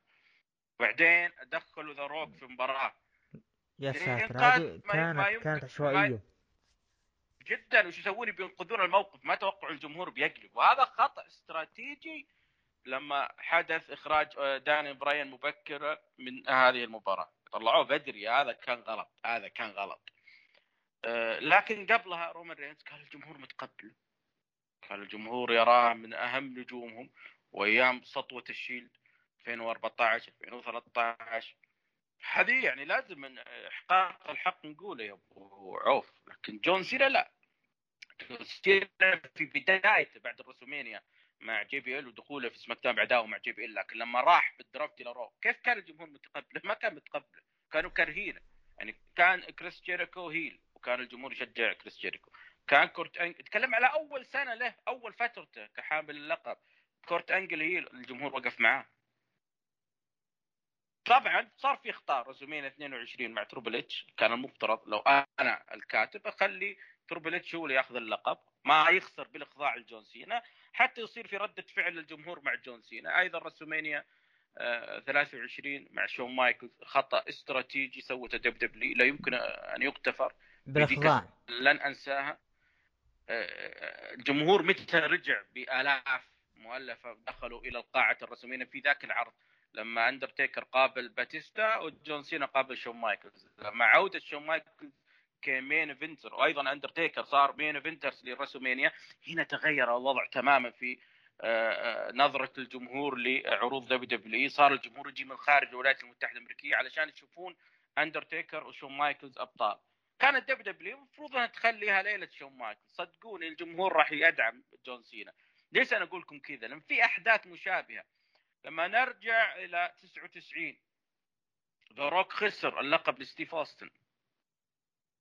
لما نرجع إلى 2001 يعني كان يعني كانت حلوة لو WWE تكررها مع Triple H جون سينا وبعدها بسنة مع جون سينا وشون مايكل. بتكون حلوة. كذا بتدفع بشكل واشبع الطرح في ذيك الفترة؟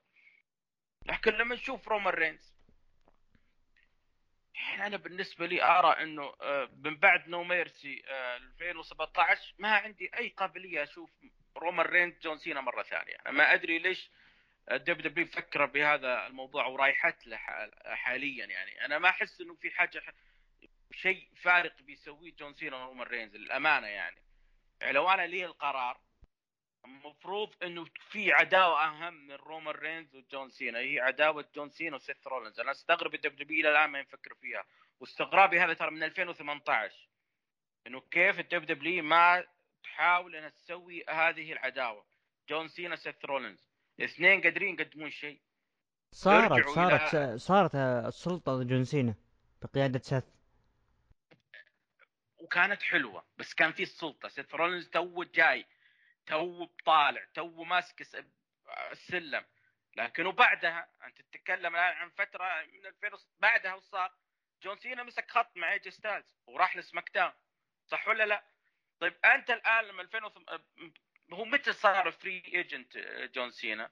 في draft 2017 رغم إنه في ال Survivor Series انضم إلى فريق SmackDown لكن في ذيك الفترة كان free agent صح دخل بعداوة مع روسف Battleground حقت الأعلام بعدين مع بارون كوربن وأحرق بارون كوربن في SummerSlam بعدين دخل بعداوة مع رومان رينز وكان في Raw ما كان في SmackDown فأنا كنت أتمنى في ذيك الفترة أو بعدها ب 2018 دخلوه مع سيث رولنز سيث رولنز يحتاج واحد يحركه. يحتاج واحد يطلع بالفورمة اللي هو قادر يسويها. وكان يسويها. أنا بالنسبة لي ما أشوف إلا جون سينا. لأنه أنا أسألك أنت أبو عوف خلينا ناخذ أبو عوف؟ أنت وش تشوف؟ جون سينا وش قادر يسوي الفترة الجاية؟ بما إنك أنت متعصب له يا أبو عوف. وش بيسوي؟ ما الشيء الجديد اللي ممكن يقدمه جون سينا؟ اللي ممكن يقدمه ممكن يتحول heel. الناس تطلب جون سينا تقريبا من تقريبا خمس سنوات إلى ست سنوات إنه يتحول أكثر أكثر أكثر من 2012 ف... 11 ممكن بهذه السنة صح 2012 بعد عداوته مع ذا كان المفروض يتحول heel فالآن الوقت المناسب مع وجود فين بلر على الصورة آه أنا أتوقع يعني بتدخل بلر مع سينا؟ هذا الشيء الجديد اللي تتوقعه آه وتتمناه بيدخل بينهم لأنه الآن جون سينا في No Mercy 2017 بعد ما خسر الناس كانت تتوقع إنه له عودة. لكن للأسف ما عاد إلا تقريبا عام 2020 في SmackDown. فالآن لما ترجع مع عودة الجمهور وحماس الجمهور لجون سينا وتوهج رومان رينز أنا أشوف انه رومان رينز هذه النسخة جيد رائع عكس النسخ الماضية أنا راح نجيب النقاش رومان وسينا. ومع دخول فين بلر فهذه الثلاث نجوم سينا وفين بلر ورومان رينز الآن الجمهور محترقين عليهم. وضف عليها إنه ممكن يصير آه، نذكر زي ما ذكرت سابقا إنه احتمال جون سينا يتحول ل heel وفين بلر baby face ورومان رينز tweener هذه راح تضرب مشاهدات SmackDown فوق فوق فوق. بس أنا اللي أبغاه من جون سينا إنه يثبت في SmackDown لا يروح ال Raw. معليش يعني يعني أنا صح إني أحب جون سينا لكن ترى ظهوره في SmackDown ظهوره في Raw. ترى هذه راح تحرق كرتك. يعني أثبت في عرض يعني في SmackDown على الأقل أثبت هناك. أنا بالنسبة لي أنا أفضل سينا في SmackDown كون إنه هو المكان اللي طلع جون سينا أكثر من Raw Raw فيه مصارعين في عداوات. بس إن السبب يا أخوان اللي ال WWE تحط جون سينا في Raw عشان المشاهدات. بس لا أكثر ولا أقل. ال WWE تبي تحرق المشاهدات بس. ولا أنا أشوف إنه كواقعية وكمنطقية جون سينا مكانه SmackDown. بعدين قبل Survivor Series ممكن تحوله ل Raw لأنه لأنه ال draft راح يكون في تلك الفترة. هنا ممكن تحول سينا ال Raw ممكن يكون في ال WWE عندها سيناريو معين اللي هو ممكن جون سينا بيوقف مع مين؟ هل راح يوقف مع Raw ولا ما راح يوقف مع SmackDown؟ زي ما شفنا آه، السنوات الماضية يعني وهلان صحح لي 97 أو 96 لما كان ستينج هل راح يوقف مع ال WCW ولا راح ينقلب على ال WCW ويكون في ان دبليو أو؟ ممكن تكون ال WW هذه فكرتها. هل جون سينا مع Raw أو مع SmackDown خصوصا إنه ممكن يحقق لقب الكون ويكسر رقم فلير ويكون هو أكثر بطل في WWE 17 مرة. فممكن يكون الفكرة اللي مرسومة في ال WW هذه. إنه راح يطقطق شوي في SmackDown وراح يطقطق شوي في Raw لكن أنا من وجهة نظري أثبت في SmackDown بعد ال draft نتفاهم. تبغى في Raw اطلع. تبغى في SmackDown اقعد. ما أدري إيش رأيكم يا تتفقون أنا معي باريستا بناقشه بسالفة ليش ما هو مقتنع بسينا ورولينز. بس بالنسبة لستينج لا مختلف الموضوع. ستينج كان في character مع ال NWO اللي هو آه، ستينج المزيف. فكان يدخل ويخرب مباريات فكانوا يحسبونه ستينج بعدين ستينج الحقيقي دخل وقال ما هو أنا وزعل على أصحابه ليكس لوجر والآخرين كيف أنتم شكيتوا فيني؟ بعدها دخل في تقمص دور ظلامي اللي هو ال Crow كان وقتها في فيلم أصلا ال Crow وإنه زعلان على الجميع وإنه داخل في أجواء أخرى مختلفة. مبتعد 18 شهر تقريبا سنة ونص يعني مبتعد عن كل شيء. بس تشوفه بين المدرجات ينزل لما راندي سافج فصل على الجميع في عليه. المدرقه أيوه لما فصل عليهم راندي سافج بذيك 97 بشيكاغو يعني كان مختلف وضع جون سينا لكن أنا بالنسبة لي ما أعطيتني ما الإضافة اللي بيسويها جون سينا تقول لي heel. طيب آه هي أنا أعتبرها أسطوانة مشروخة مثل ما يقولون يعني ما ما راح نشوفها. وتأخر وقتها كثير يعني وش عقب بيجيبونها الآن؟ آخر شيء شفت الجون سينا كان مع بري وايت يعني تذكرونها. بعدها وش ما راح نشوف شيء جون سينا ك heel ما راح نشوف شيء. يعني أحس إنه خلاص يعني كأنها مثل قصة مباراة ستينج والاندر تيكر. يعني الناس كلهم يبونه وكل يطالبوا فيها بس كل ما تأخر الوقت كل ما سمجت. أحس إنه جون سينا ك heel تعتبر يعني شيء سامج ما راح نش... يعني حتى لو صارت وش عقبة يعني فراح كان في فترات باريستا تو يقول 2012 فعلا ذيك كانت الفترة الذهبية في وجود جون سينا ال heel. لكن آه، آه، باريستا ليش ما مقتنع بسينا رولينز؟ ليش ما تبيه؟ بس بيستغلها ترى لو تحاول سينا heel يستغلها. ما راح نقول لا. آه. استغلها بظرف ب- بحدث بس إنه في حاجة في حاجة تسوي شيء ضخم. يعني شيء يلفت الانتباه الناس كلها تقول واو. لكن لما أنت تسويها الآن ما حد بيدري ما حد بينتبه. أوه سينا هي حلوة فكرة جيدة. بس لا أنا ما أبي بشيء حلو فكرة جيده لا أبي ناس تنشد ناس تنتبه ناس تلتفت. ممكن يسويها ليش لا؟ ممكن يسويها ممكن يسويها يعني ما ما نقدر نستبعد من سينا شيء ترى والله. يا رب والله علشانكم أنتم يا جمهور والله. علشان يعني. سعدكم.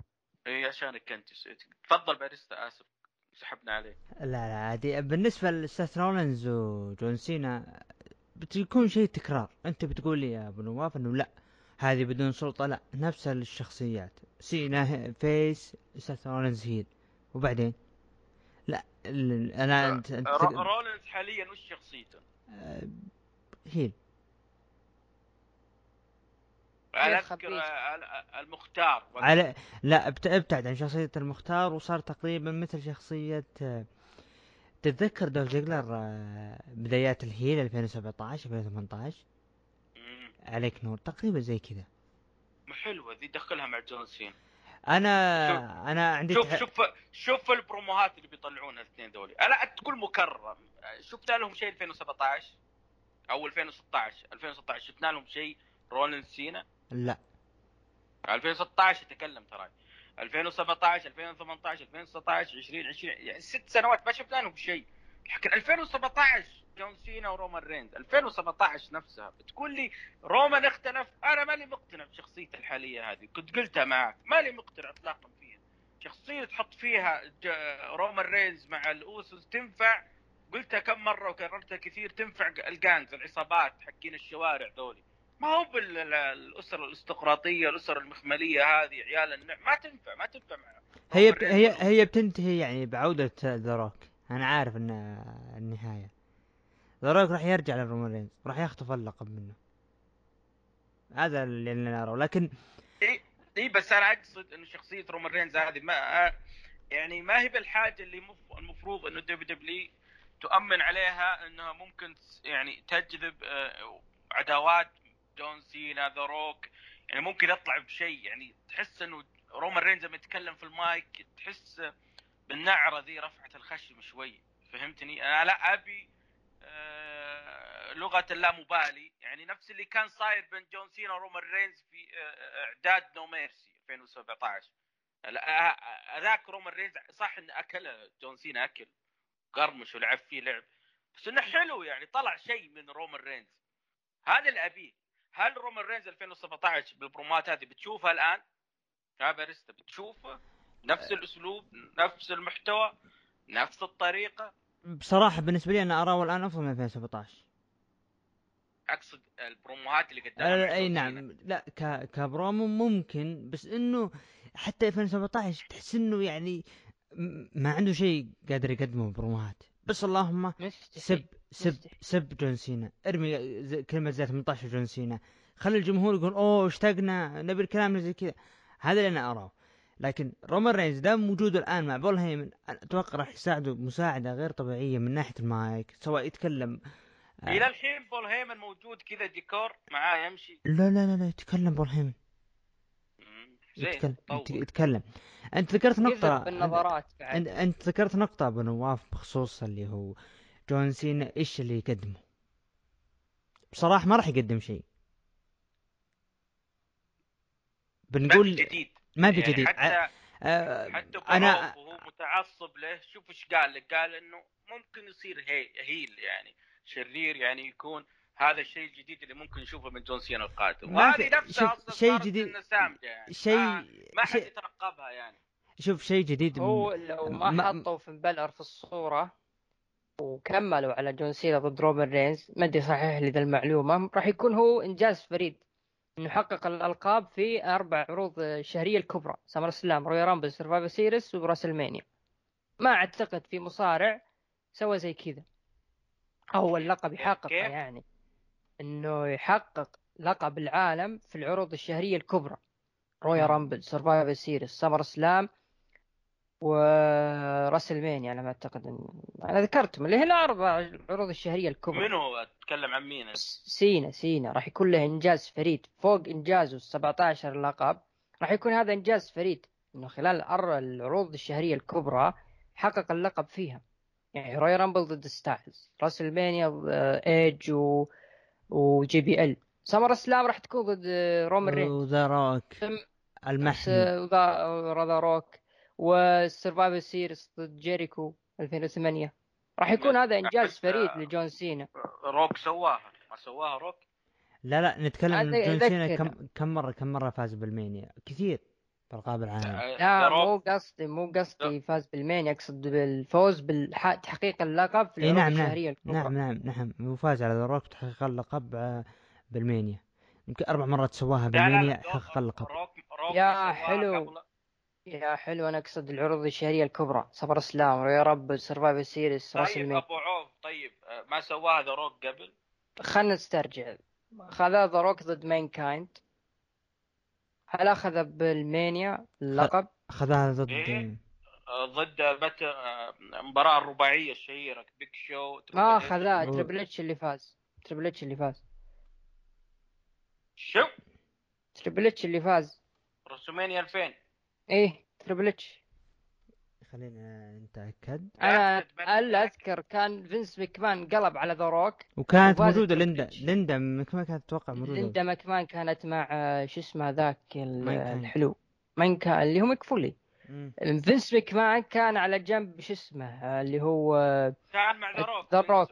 وشي إيه. ماكمان كان مع بيج شو وقلب عليه فينس على ذا روك كان مع الكرسي اللي على حسب ما أذكر. عطى روك الكرسي وثبت تريبل إتش وفاز باللقب. ما فاز ذا روك. ثم تقابلوا في باكلاش ثم جدجمنت داي لما رجع الاندرتيكر لا لا أنا قصدي العروض الشهرية الكبرى ال Grand Slam اللي هي سرفايفر سيريس سمر سلام رويال رامبل راسلمانيا في أحد حقق كل الألقاب كتحقيق اللقب جون سينا هذا- متى حقق اللقب في السرفايفر سيريز؟ ضد ضد- جيريكو 2008 إيه، سواها. فإذا ح... إذا إذا أخذ جون سينا إذا صراحة. اخذ جون سينا اللقب ضد رومان رينز آه، بسمر سلام راح يكون هذا إنجاز فريد له. أنتم تقولون وش راح يقدم؟ هذا راح يكون إنجاز فريد. فوق إنجاز. اللقب اللقب ال 17 أي مصارع أي أي إنجاز. مصارع يحقق لقب عالمي؟ إنجاز شخصي له لكن بس إيش يقدم اي عوف. بس في إنجاز فريد.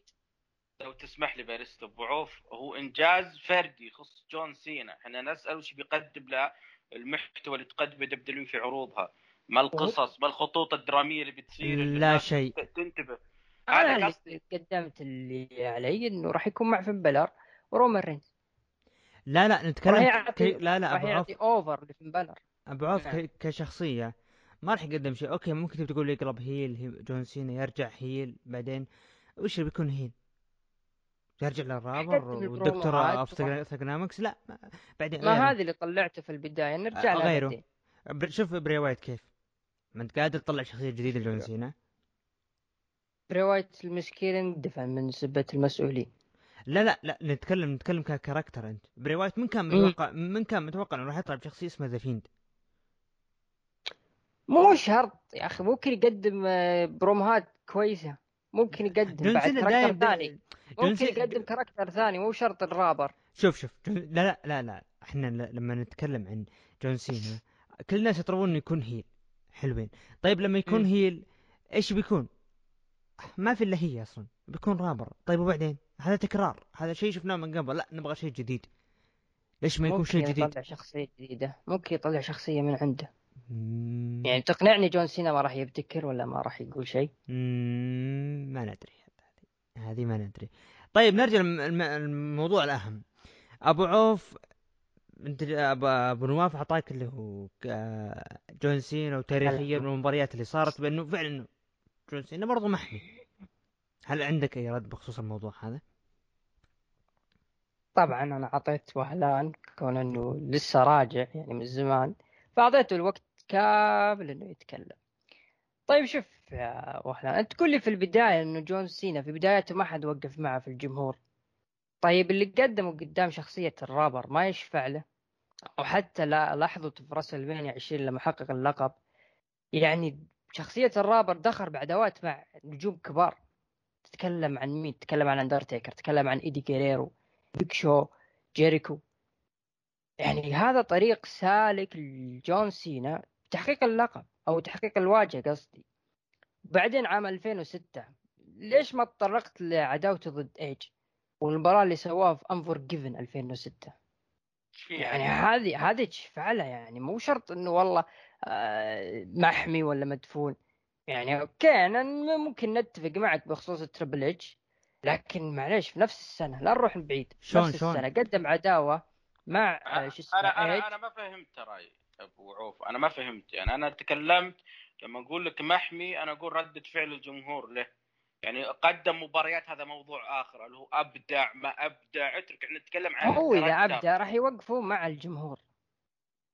أيوه شكرا. كمل يعني. خلاص. وكلامكم عن 2006 و2007 كل هذه السنين جون سينا كان نجم السنة.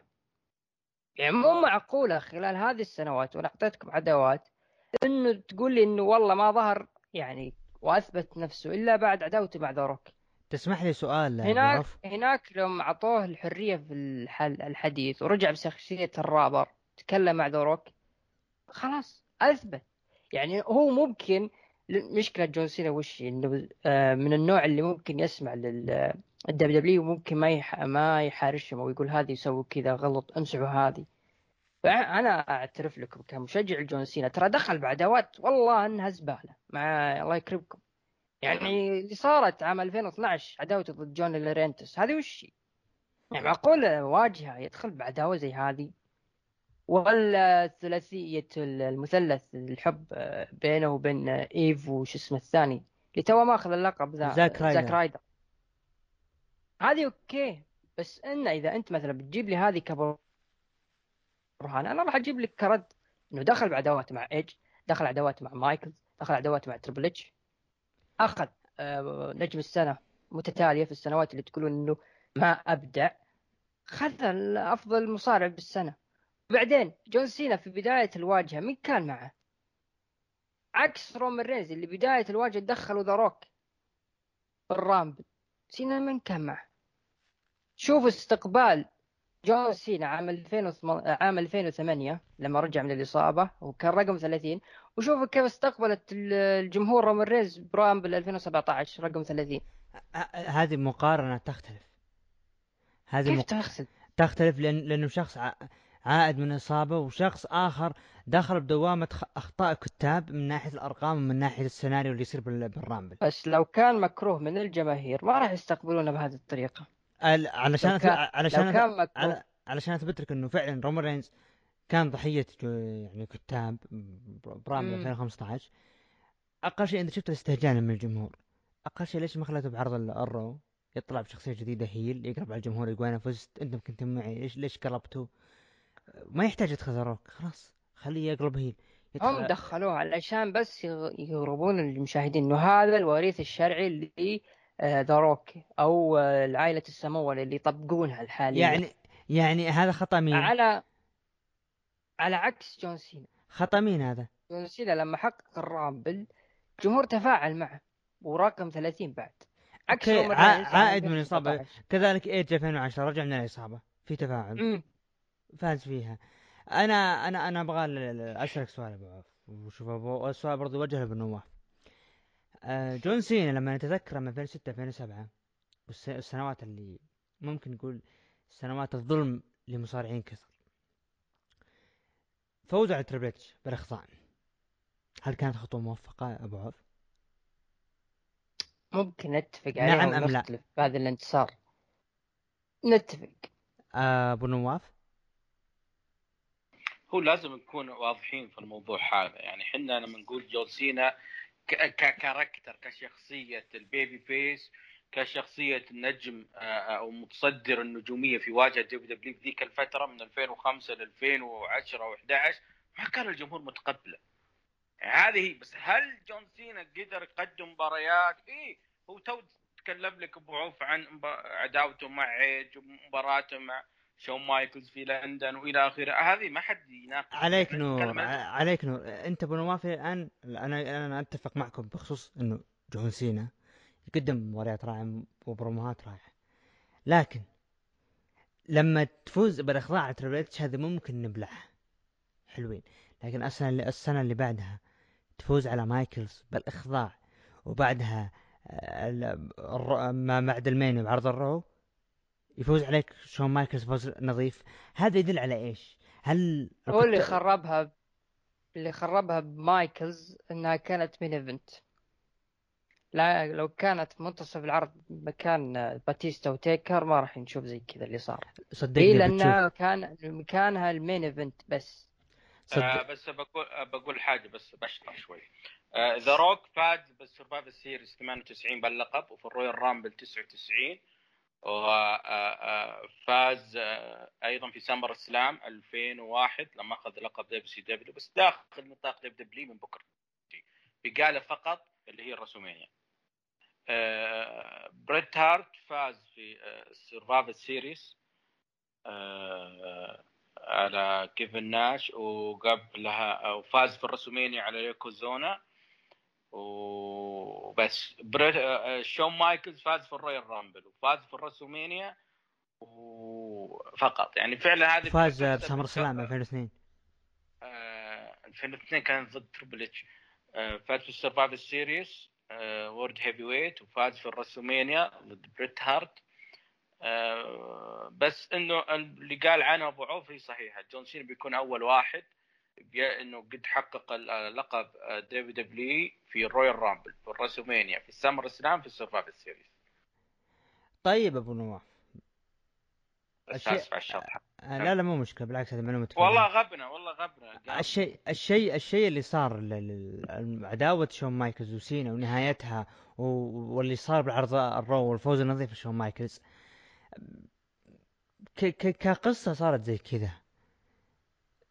يعني هل الكتاب ندموا بأنهم خلوا مايكلز يخضع دام الجمهور كان يبيه وقالوا خلينا نعطيه فرصة ونعطيه يعني مثل ما يقول نرضي الجمهور بأنه يفوز فوز نظيف بدون لقب؟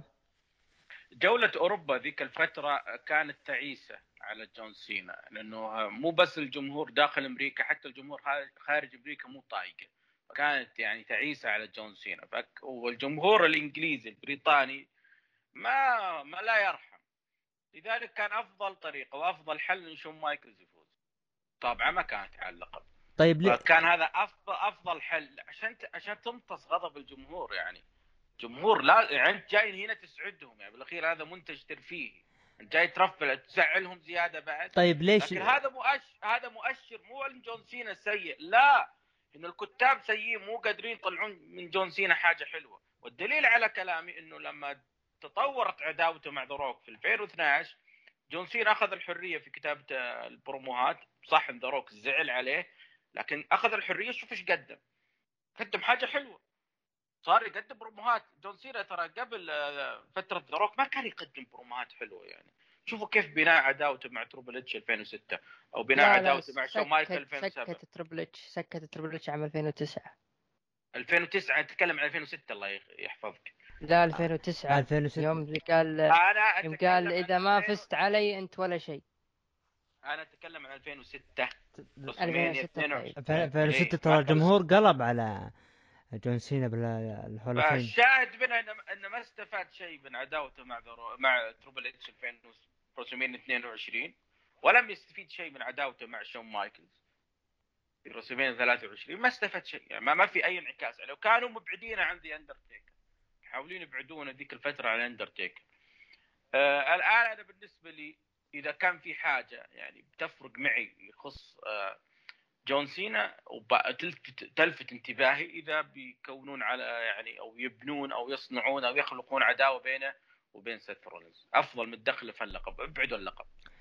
أبو جون سينا يحتاج يحتاج يدخل مع سيث رولينز تفضل أبو عوف. أبو عوف يعني هل ترى أنه فعلا جون سينا يحتاج بأنه يكون شخصية جديدة وهي شخصية هي جديدة ولا تقول لا الرابر تكفي وتوفي؟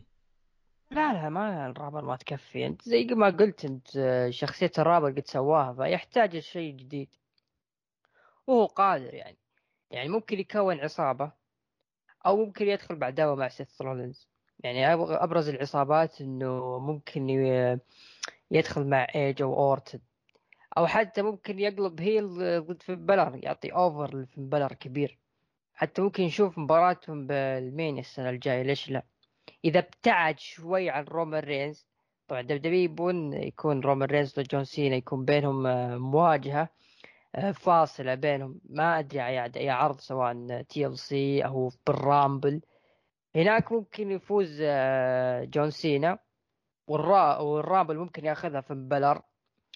ويتقابلون بال Mania يعني تقنعني خلال هذه الفترة ما راح يقدم جون سينا heel أو حتى شخصية جديدة ومبتكرة. بالعكس بالعكس بالعكس بالعكس. أنا أتفق معك كل شيء من ناحية جون سينا من ناحية إنه قادر يقدم. لكن لما آه نجي للبروموهات أنا مشكلتي مع جون سينا لما ذكر بأنه رومان رينز محمي هذه مشكلتي الوحيدة مع جون سينا فقط. جون سينا يعني إذا كانوا فعلا حقيقة بتصير في مباراة فردية على اللقب مع رومان رينز ما أدري أحس إنه ممكن يسويها جون سينا ويفوز ياخذ اللقب.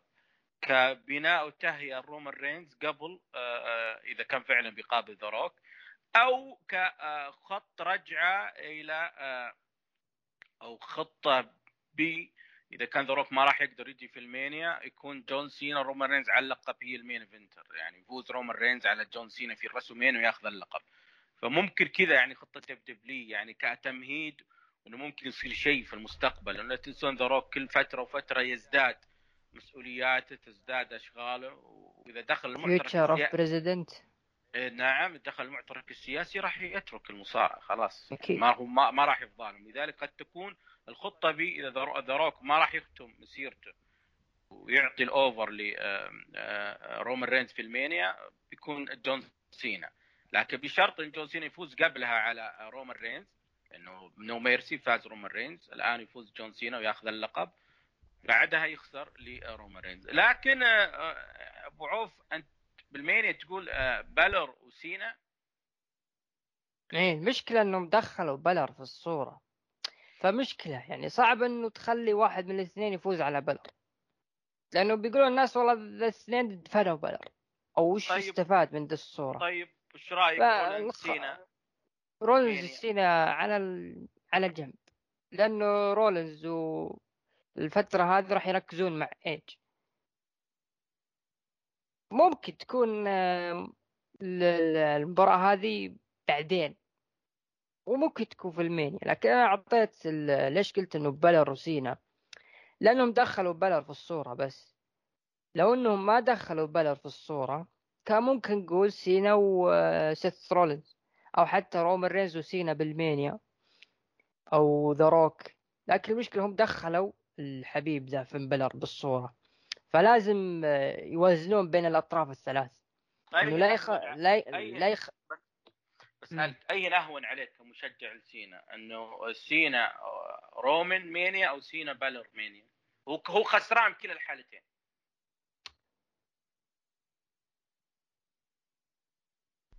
أجاوب عنه أنا؟ والله ما أدري. أنا أنا أنا أنا بجاوب عنك. آه، انت كارف سينا ليش لا لا أنا جاوب عنه. أنا بالعكس أنا ط- جت لي فكرة جميلة. ليش ما يكون فين بلر بشخصية ال demon ويفوز على سينا تكون منطقية. لا لأنه ممكن يستخدمون ال demon كرتوني. أنا أبي بلر يرجع بشخصية ال prince مو شخصية ال demon king. بالعكس أنا أشوف ال prince أنجح من ال demon. يعني أنت موافق إنه بالر يفوز على سينا في المانيا؟ إيه. لأنه هو كذا ولا كذا زي ما قلت خسران وكذا ولا كذا بلر بياخذ over سواء من رومان أو سينا. والله ما ظنيت فليش لا يكون يكون سينا هو السلم البلر؟ بال prince. أما بال demon ما أعتقد لأنه دب دبليو عندهم مشكلة مع الشخصيات الخاصة. وإذا- ما يعرفون يستغلونها. وإذا فاز جون سينا على فين بلر؟ دفن؟ ما أعتقد ما أعتقد ما أعتقد. أه، توقع- لأنه بال... بالبداية أول شيء سي... في بلر راح يفوز بالسمر سلام وراح يتواجهون بعدين. لأنه ممكن تكون في مباراة بين آه، سينا وبلر وياخذ اللقب سينا. لا تنسون آه، ال- ال- الكينج آه، البارين بارين كوربن راح يكون موجود بالرامبل ويفوز فيها. أخذ آه شوف على على لا لا وهلال اصبر دقيقة- دقيقة أبو عوف دقيقة دقيقة أخذ لقب بارين كوربن اقطع الصوت عن دحين علي اقطع الصوت عن وهلان اقطع الصوت. أخذ اي يا عمي هذه فيها حق وفيها حقوق هذه. كملنا ثلاث سنوات ترى. ثلاث سنوات وتقول لي روح هلا لقب. خذ؟ خذ لقب آه، ملك الحلبة. طيب طيب. نرجع تدري نفس الاسطوانة الفرق بين اللقب تدري تدري إن بلر سحبوا منها السيارة؟ أي سيارة؟ هم يقولون إنه والله عشان أخسر له لقب ملك الحلبة على كلام الباريستا سحبوا من كل صلاحياته في الدنيا. من ضمنها السيارة حقته. عمو... عموما والآن مسوي له موقع موقع للدعم وأنا دفعت من عندي سالب 99 عموما عموما عموما عموما. أي كلمة ختامية أبو عوف بخصوص موضوع جون سينا رومان رينز؟ أنا أشوف إنه كفينا ووفينا. يعني الأسماء هي اللي تلخص الموضوع من الأفضل. آه، اولا نشكر أخونا وهلان. على العودة نقول عودا حميدا إن شاء الله. وما نستغنى عنك في بودكاستك. أبد متى ما بغيت حياك الله. والنقاش مفتوح ونا متشوقين. مو بس مداخلة إنك تكون معنا في البودكاست إن شاء الله.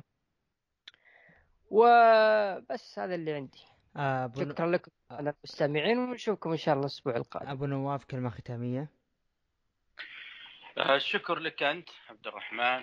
شكرا أيضا لعبد الرحمن وابو عوف شكرا أيضا لعبد الرحمن دحيم العلي نسميه بودكاست الرحابين ما شاء الله كلكم عبد الرحمن. ف الرحمانية حيا الرحمانية. سعيد جدا تواجدي معكم آه، ما أقدر أقول لا لدحيم العلي. آه، ظهور استثنائي وليس ظهور دائم. آه، الأكيد والمؤكد إذا كان في من تواجد لوهلان فهو بلا نقاش في ركن الحلبة. تمنيات الجميع الاستمتاع بهذه الاجازه الصيفية. وإن شاء الله الجميع فيها تم صحة وعافية. وخذوا الجرعة الثانية من لقاح كورونا. وانقذوا أنفسكم وأهليكم من هذا الوباء الخطير. وبس هذا اللي عندي ودمتم بود. طبعا آه، يعطيك ألف عافية أبو نواف. شكرا لك أبو عوف. طبعا نهاية ال- النقاش إنه اختلاف الآراء لا يفسد من الود قضية ونراكم بإذن الله في الحلقة القادمة. ركن الحلبة 76 وإلى اللقاء.